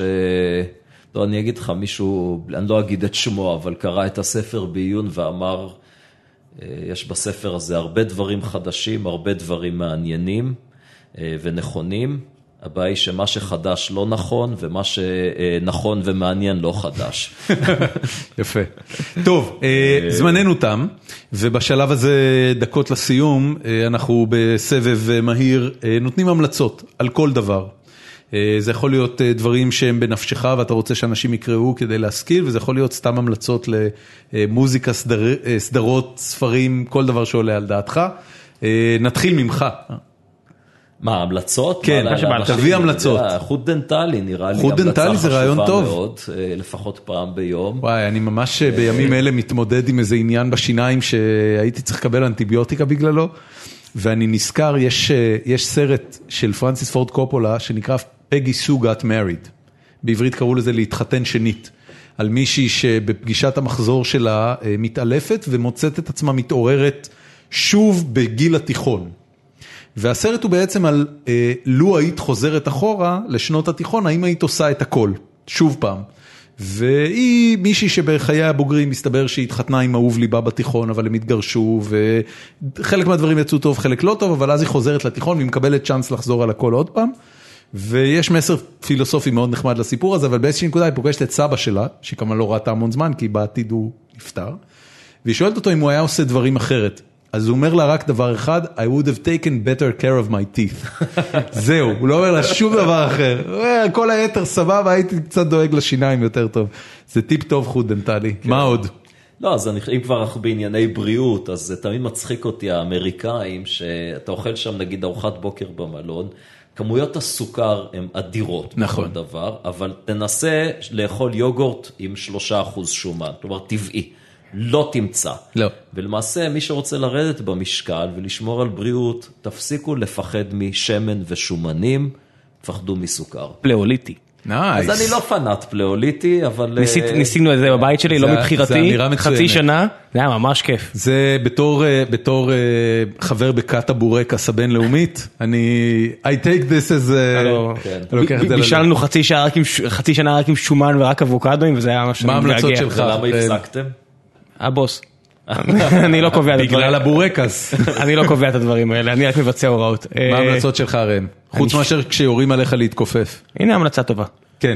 תפסו מחסה. אה, Why Nations Fail, אני ממש אהב את הספר הזה ואני מאוד ממליץ עליו. יפה. אני, אה, יש לי שתי המלצות. הראשונה, ספר שלמרבה השמחה כתבו ישראלים, שהם אפילו חברים שלי, אחד מהם, בועז לביא ואסף ותומר חנוכה, כתבו רומן גרפי שנקרא The Divine, ואין כל כך להשיג אותו בארץ, אני הזמנתי אותו מאמזון, וסוף סוף הוא הגיע אה, לפני שבועות וקראתי אותו במהלך שבועות, והוא פשוט נפלא.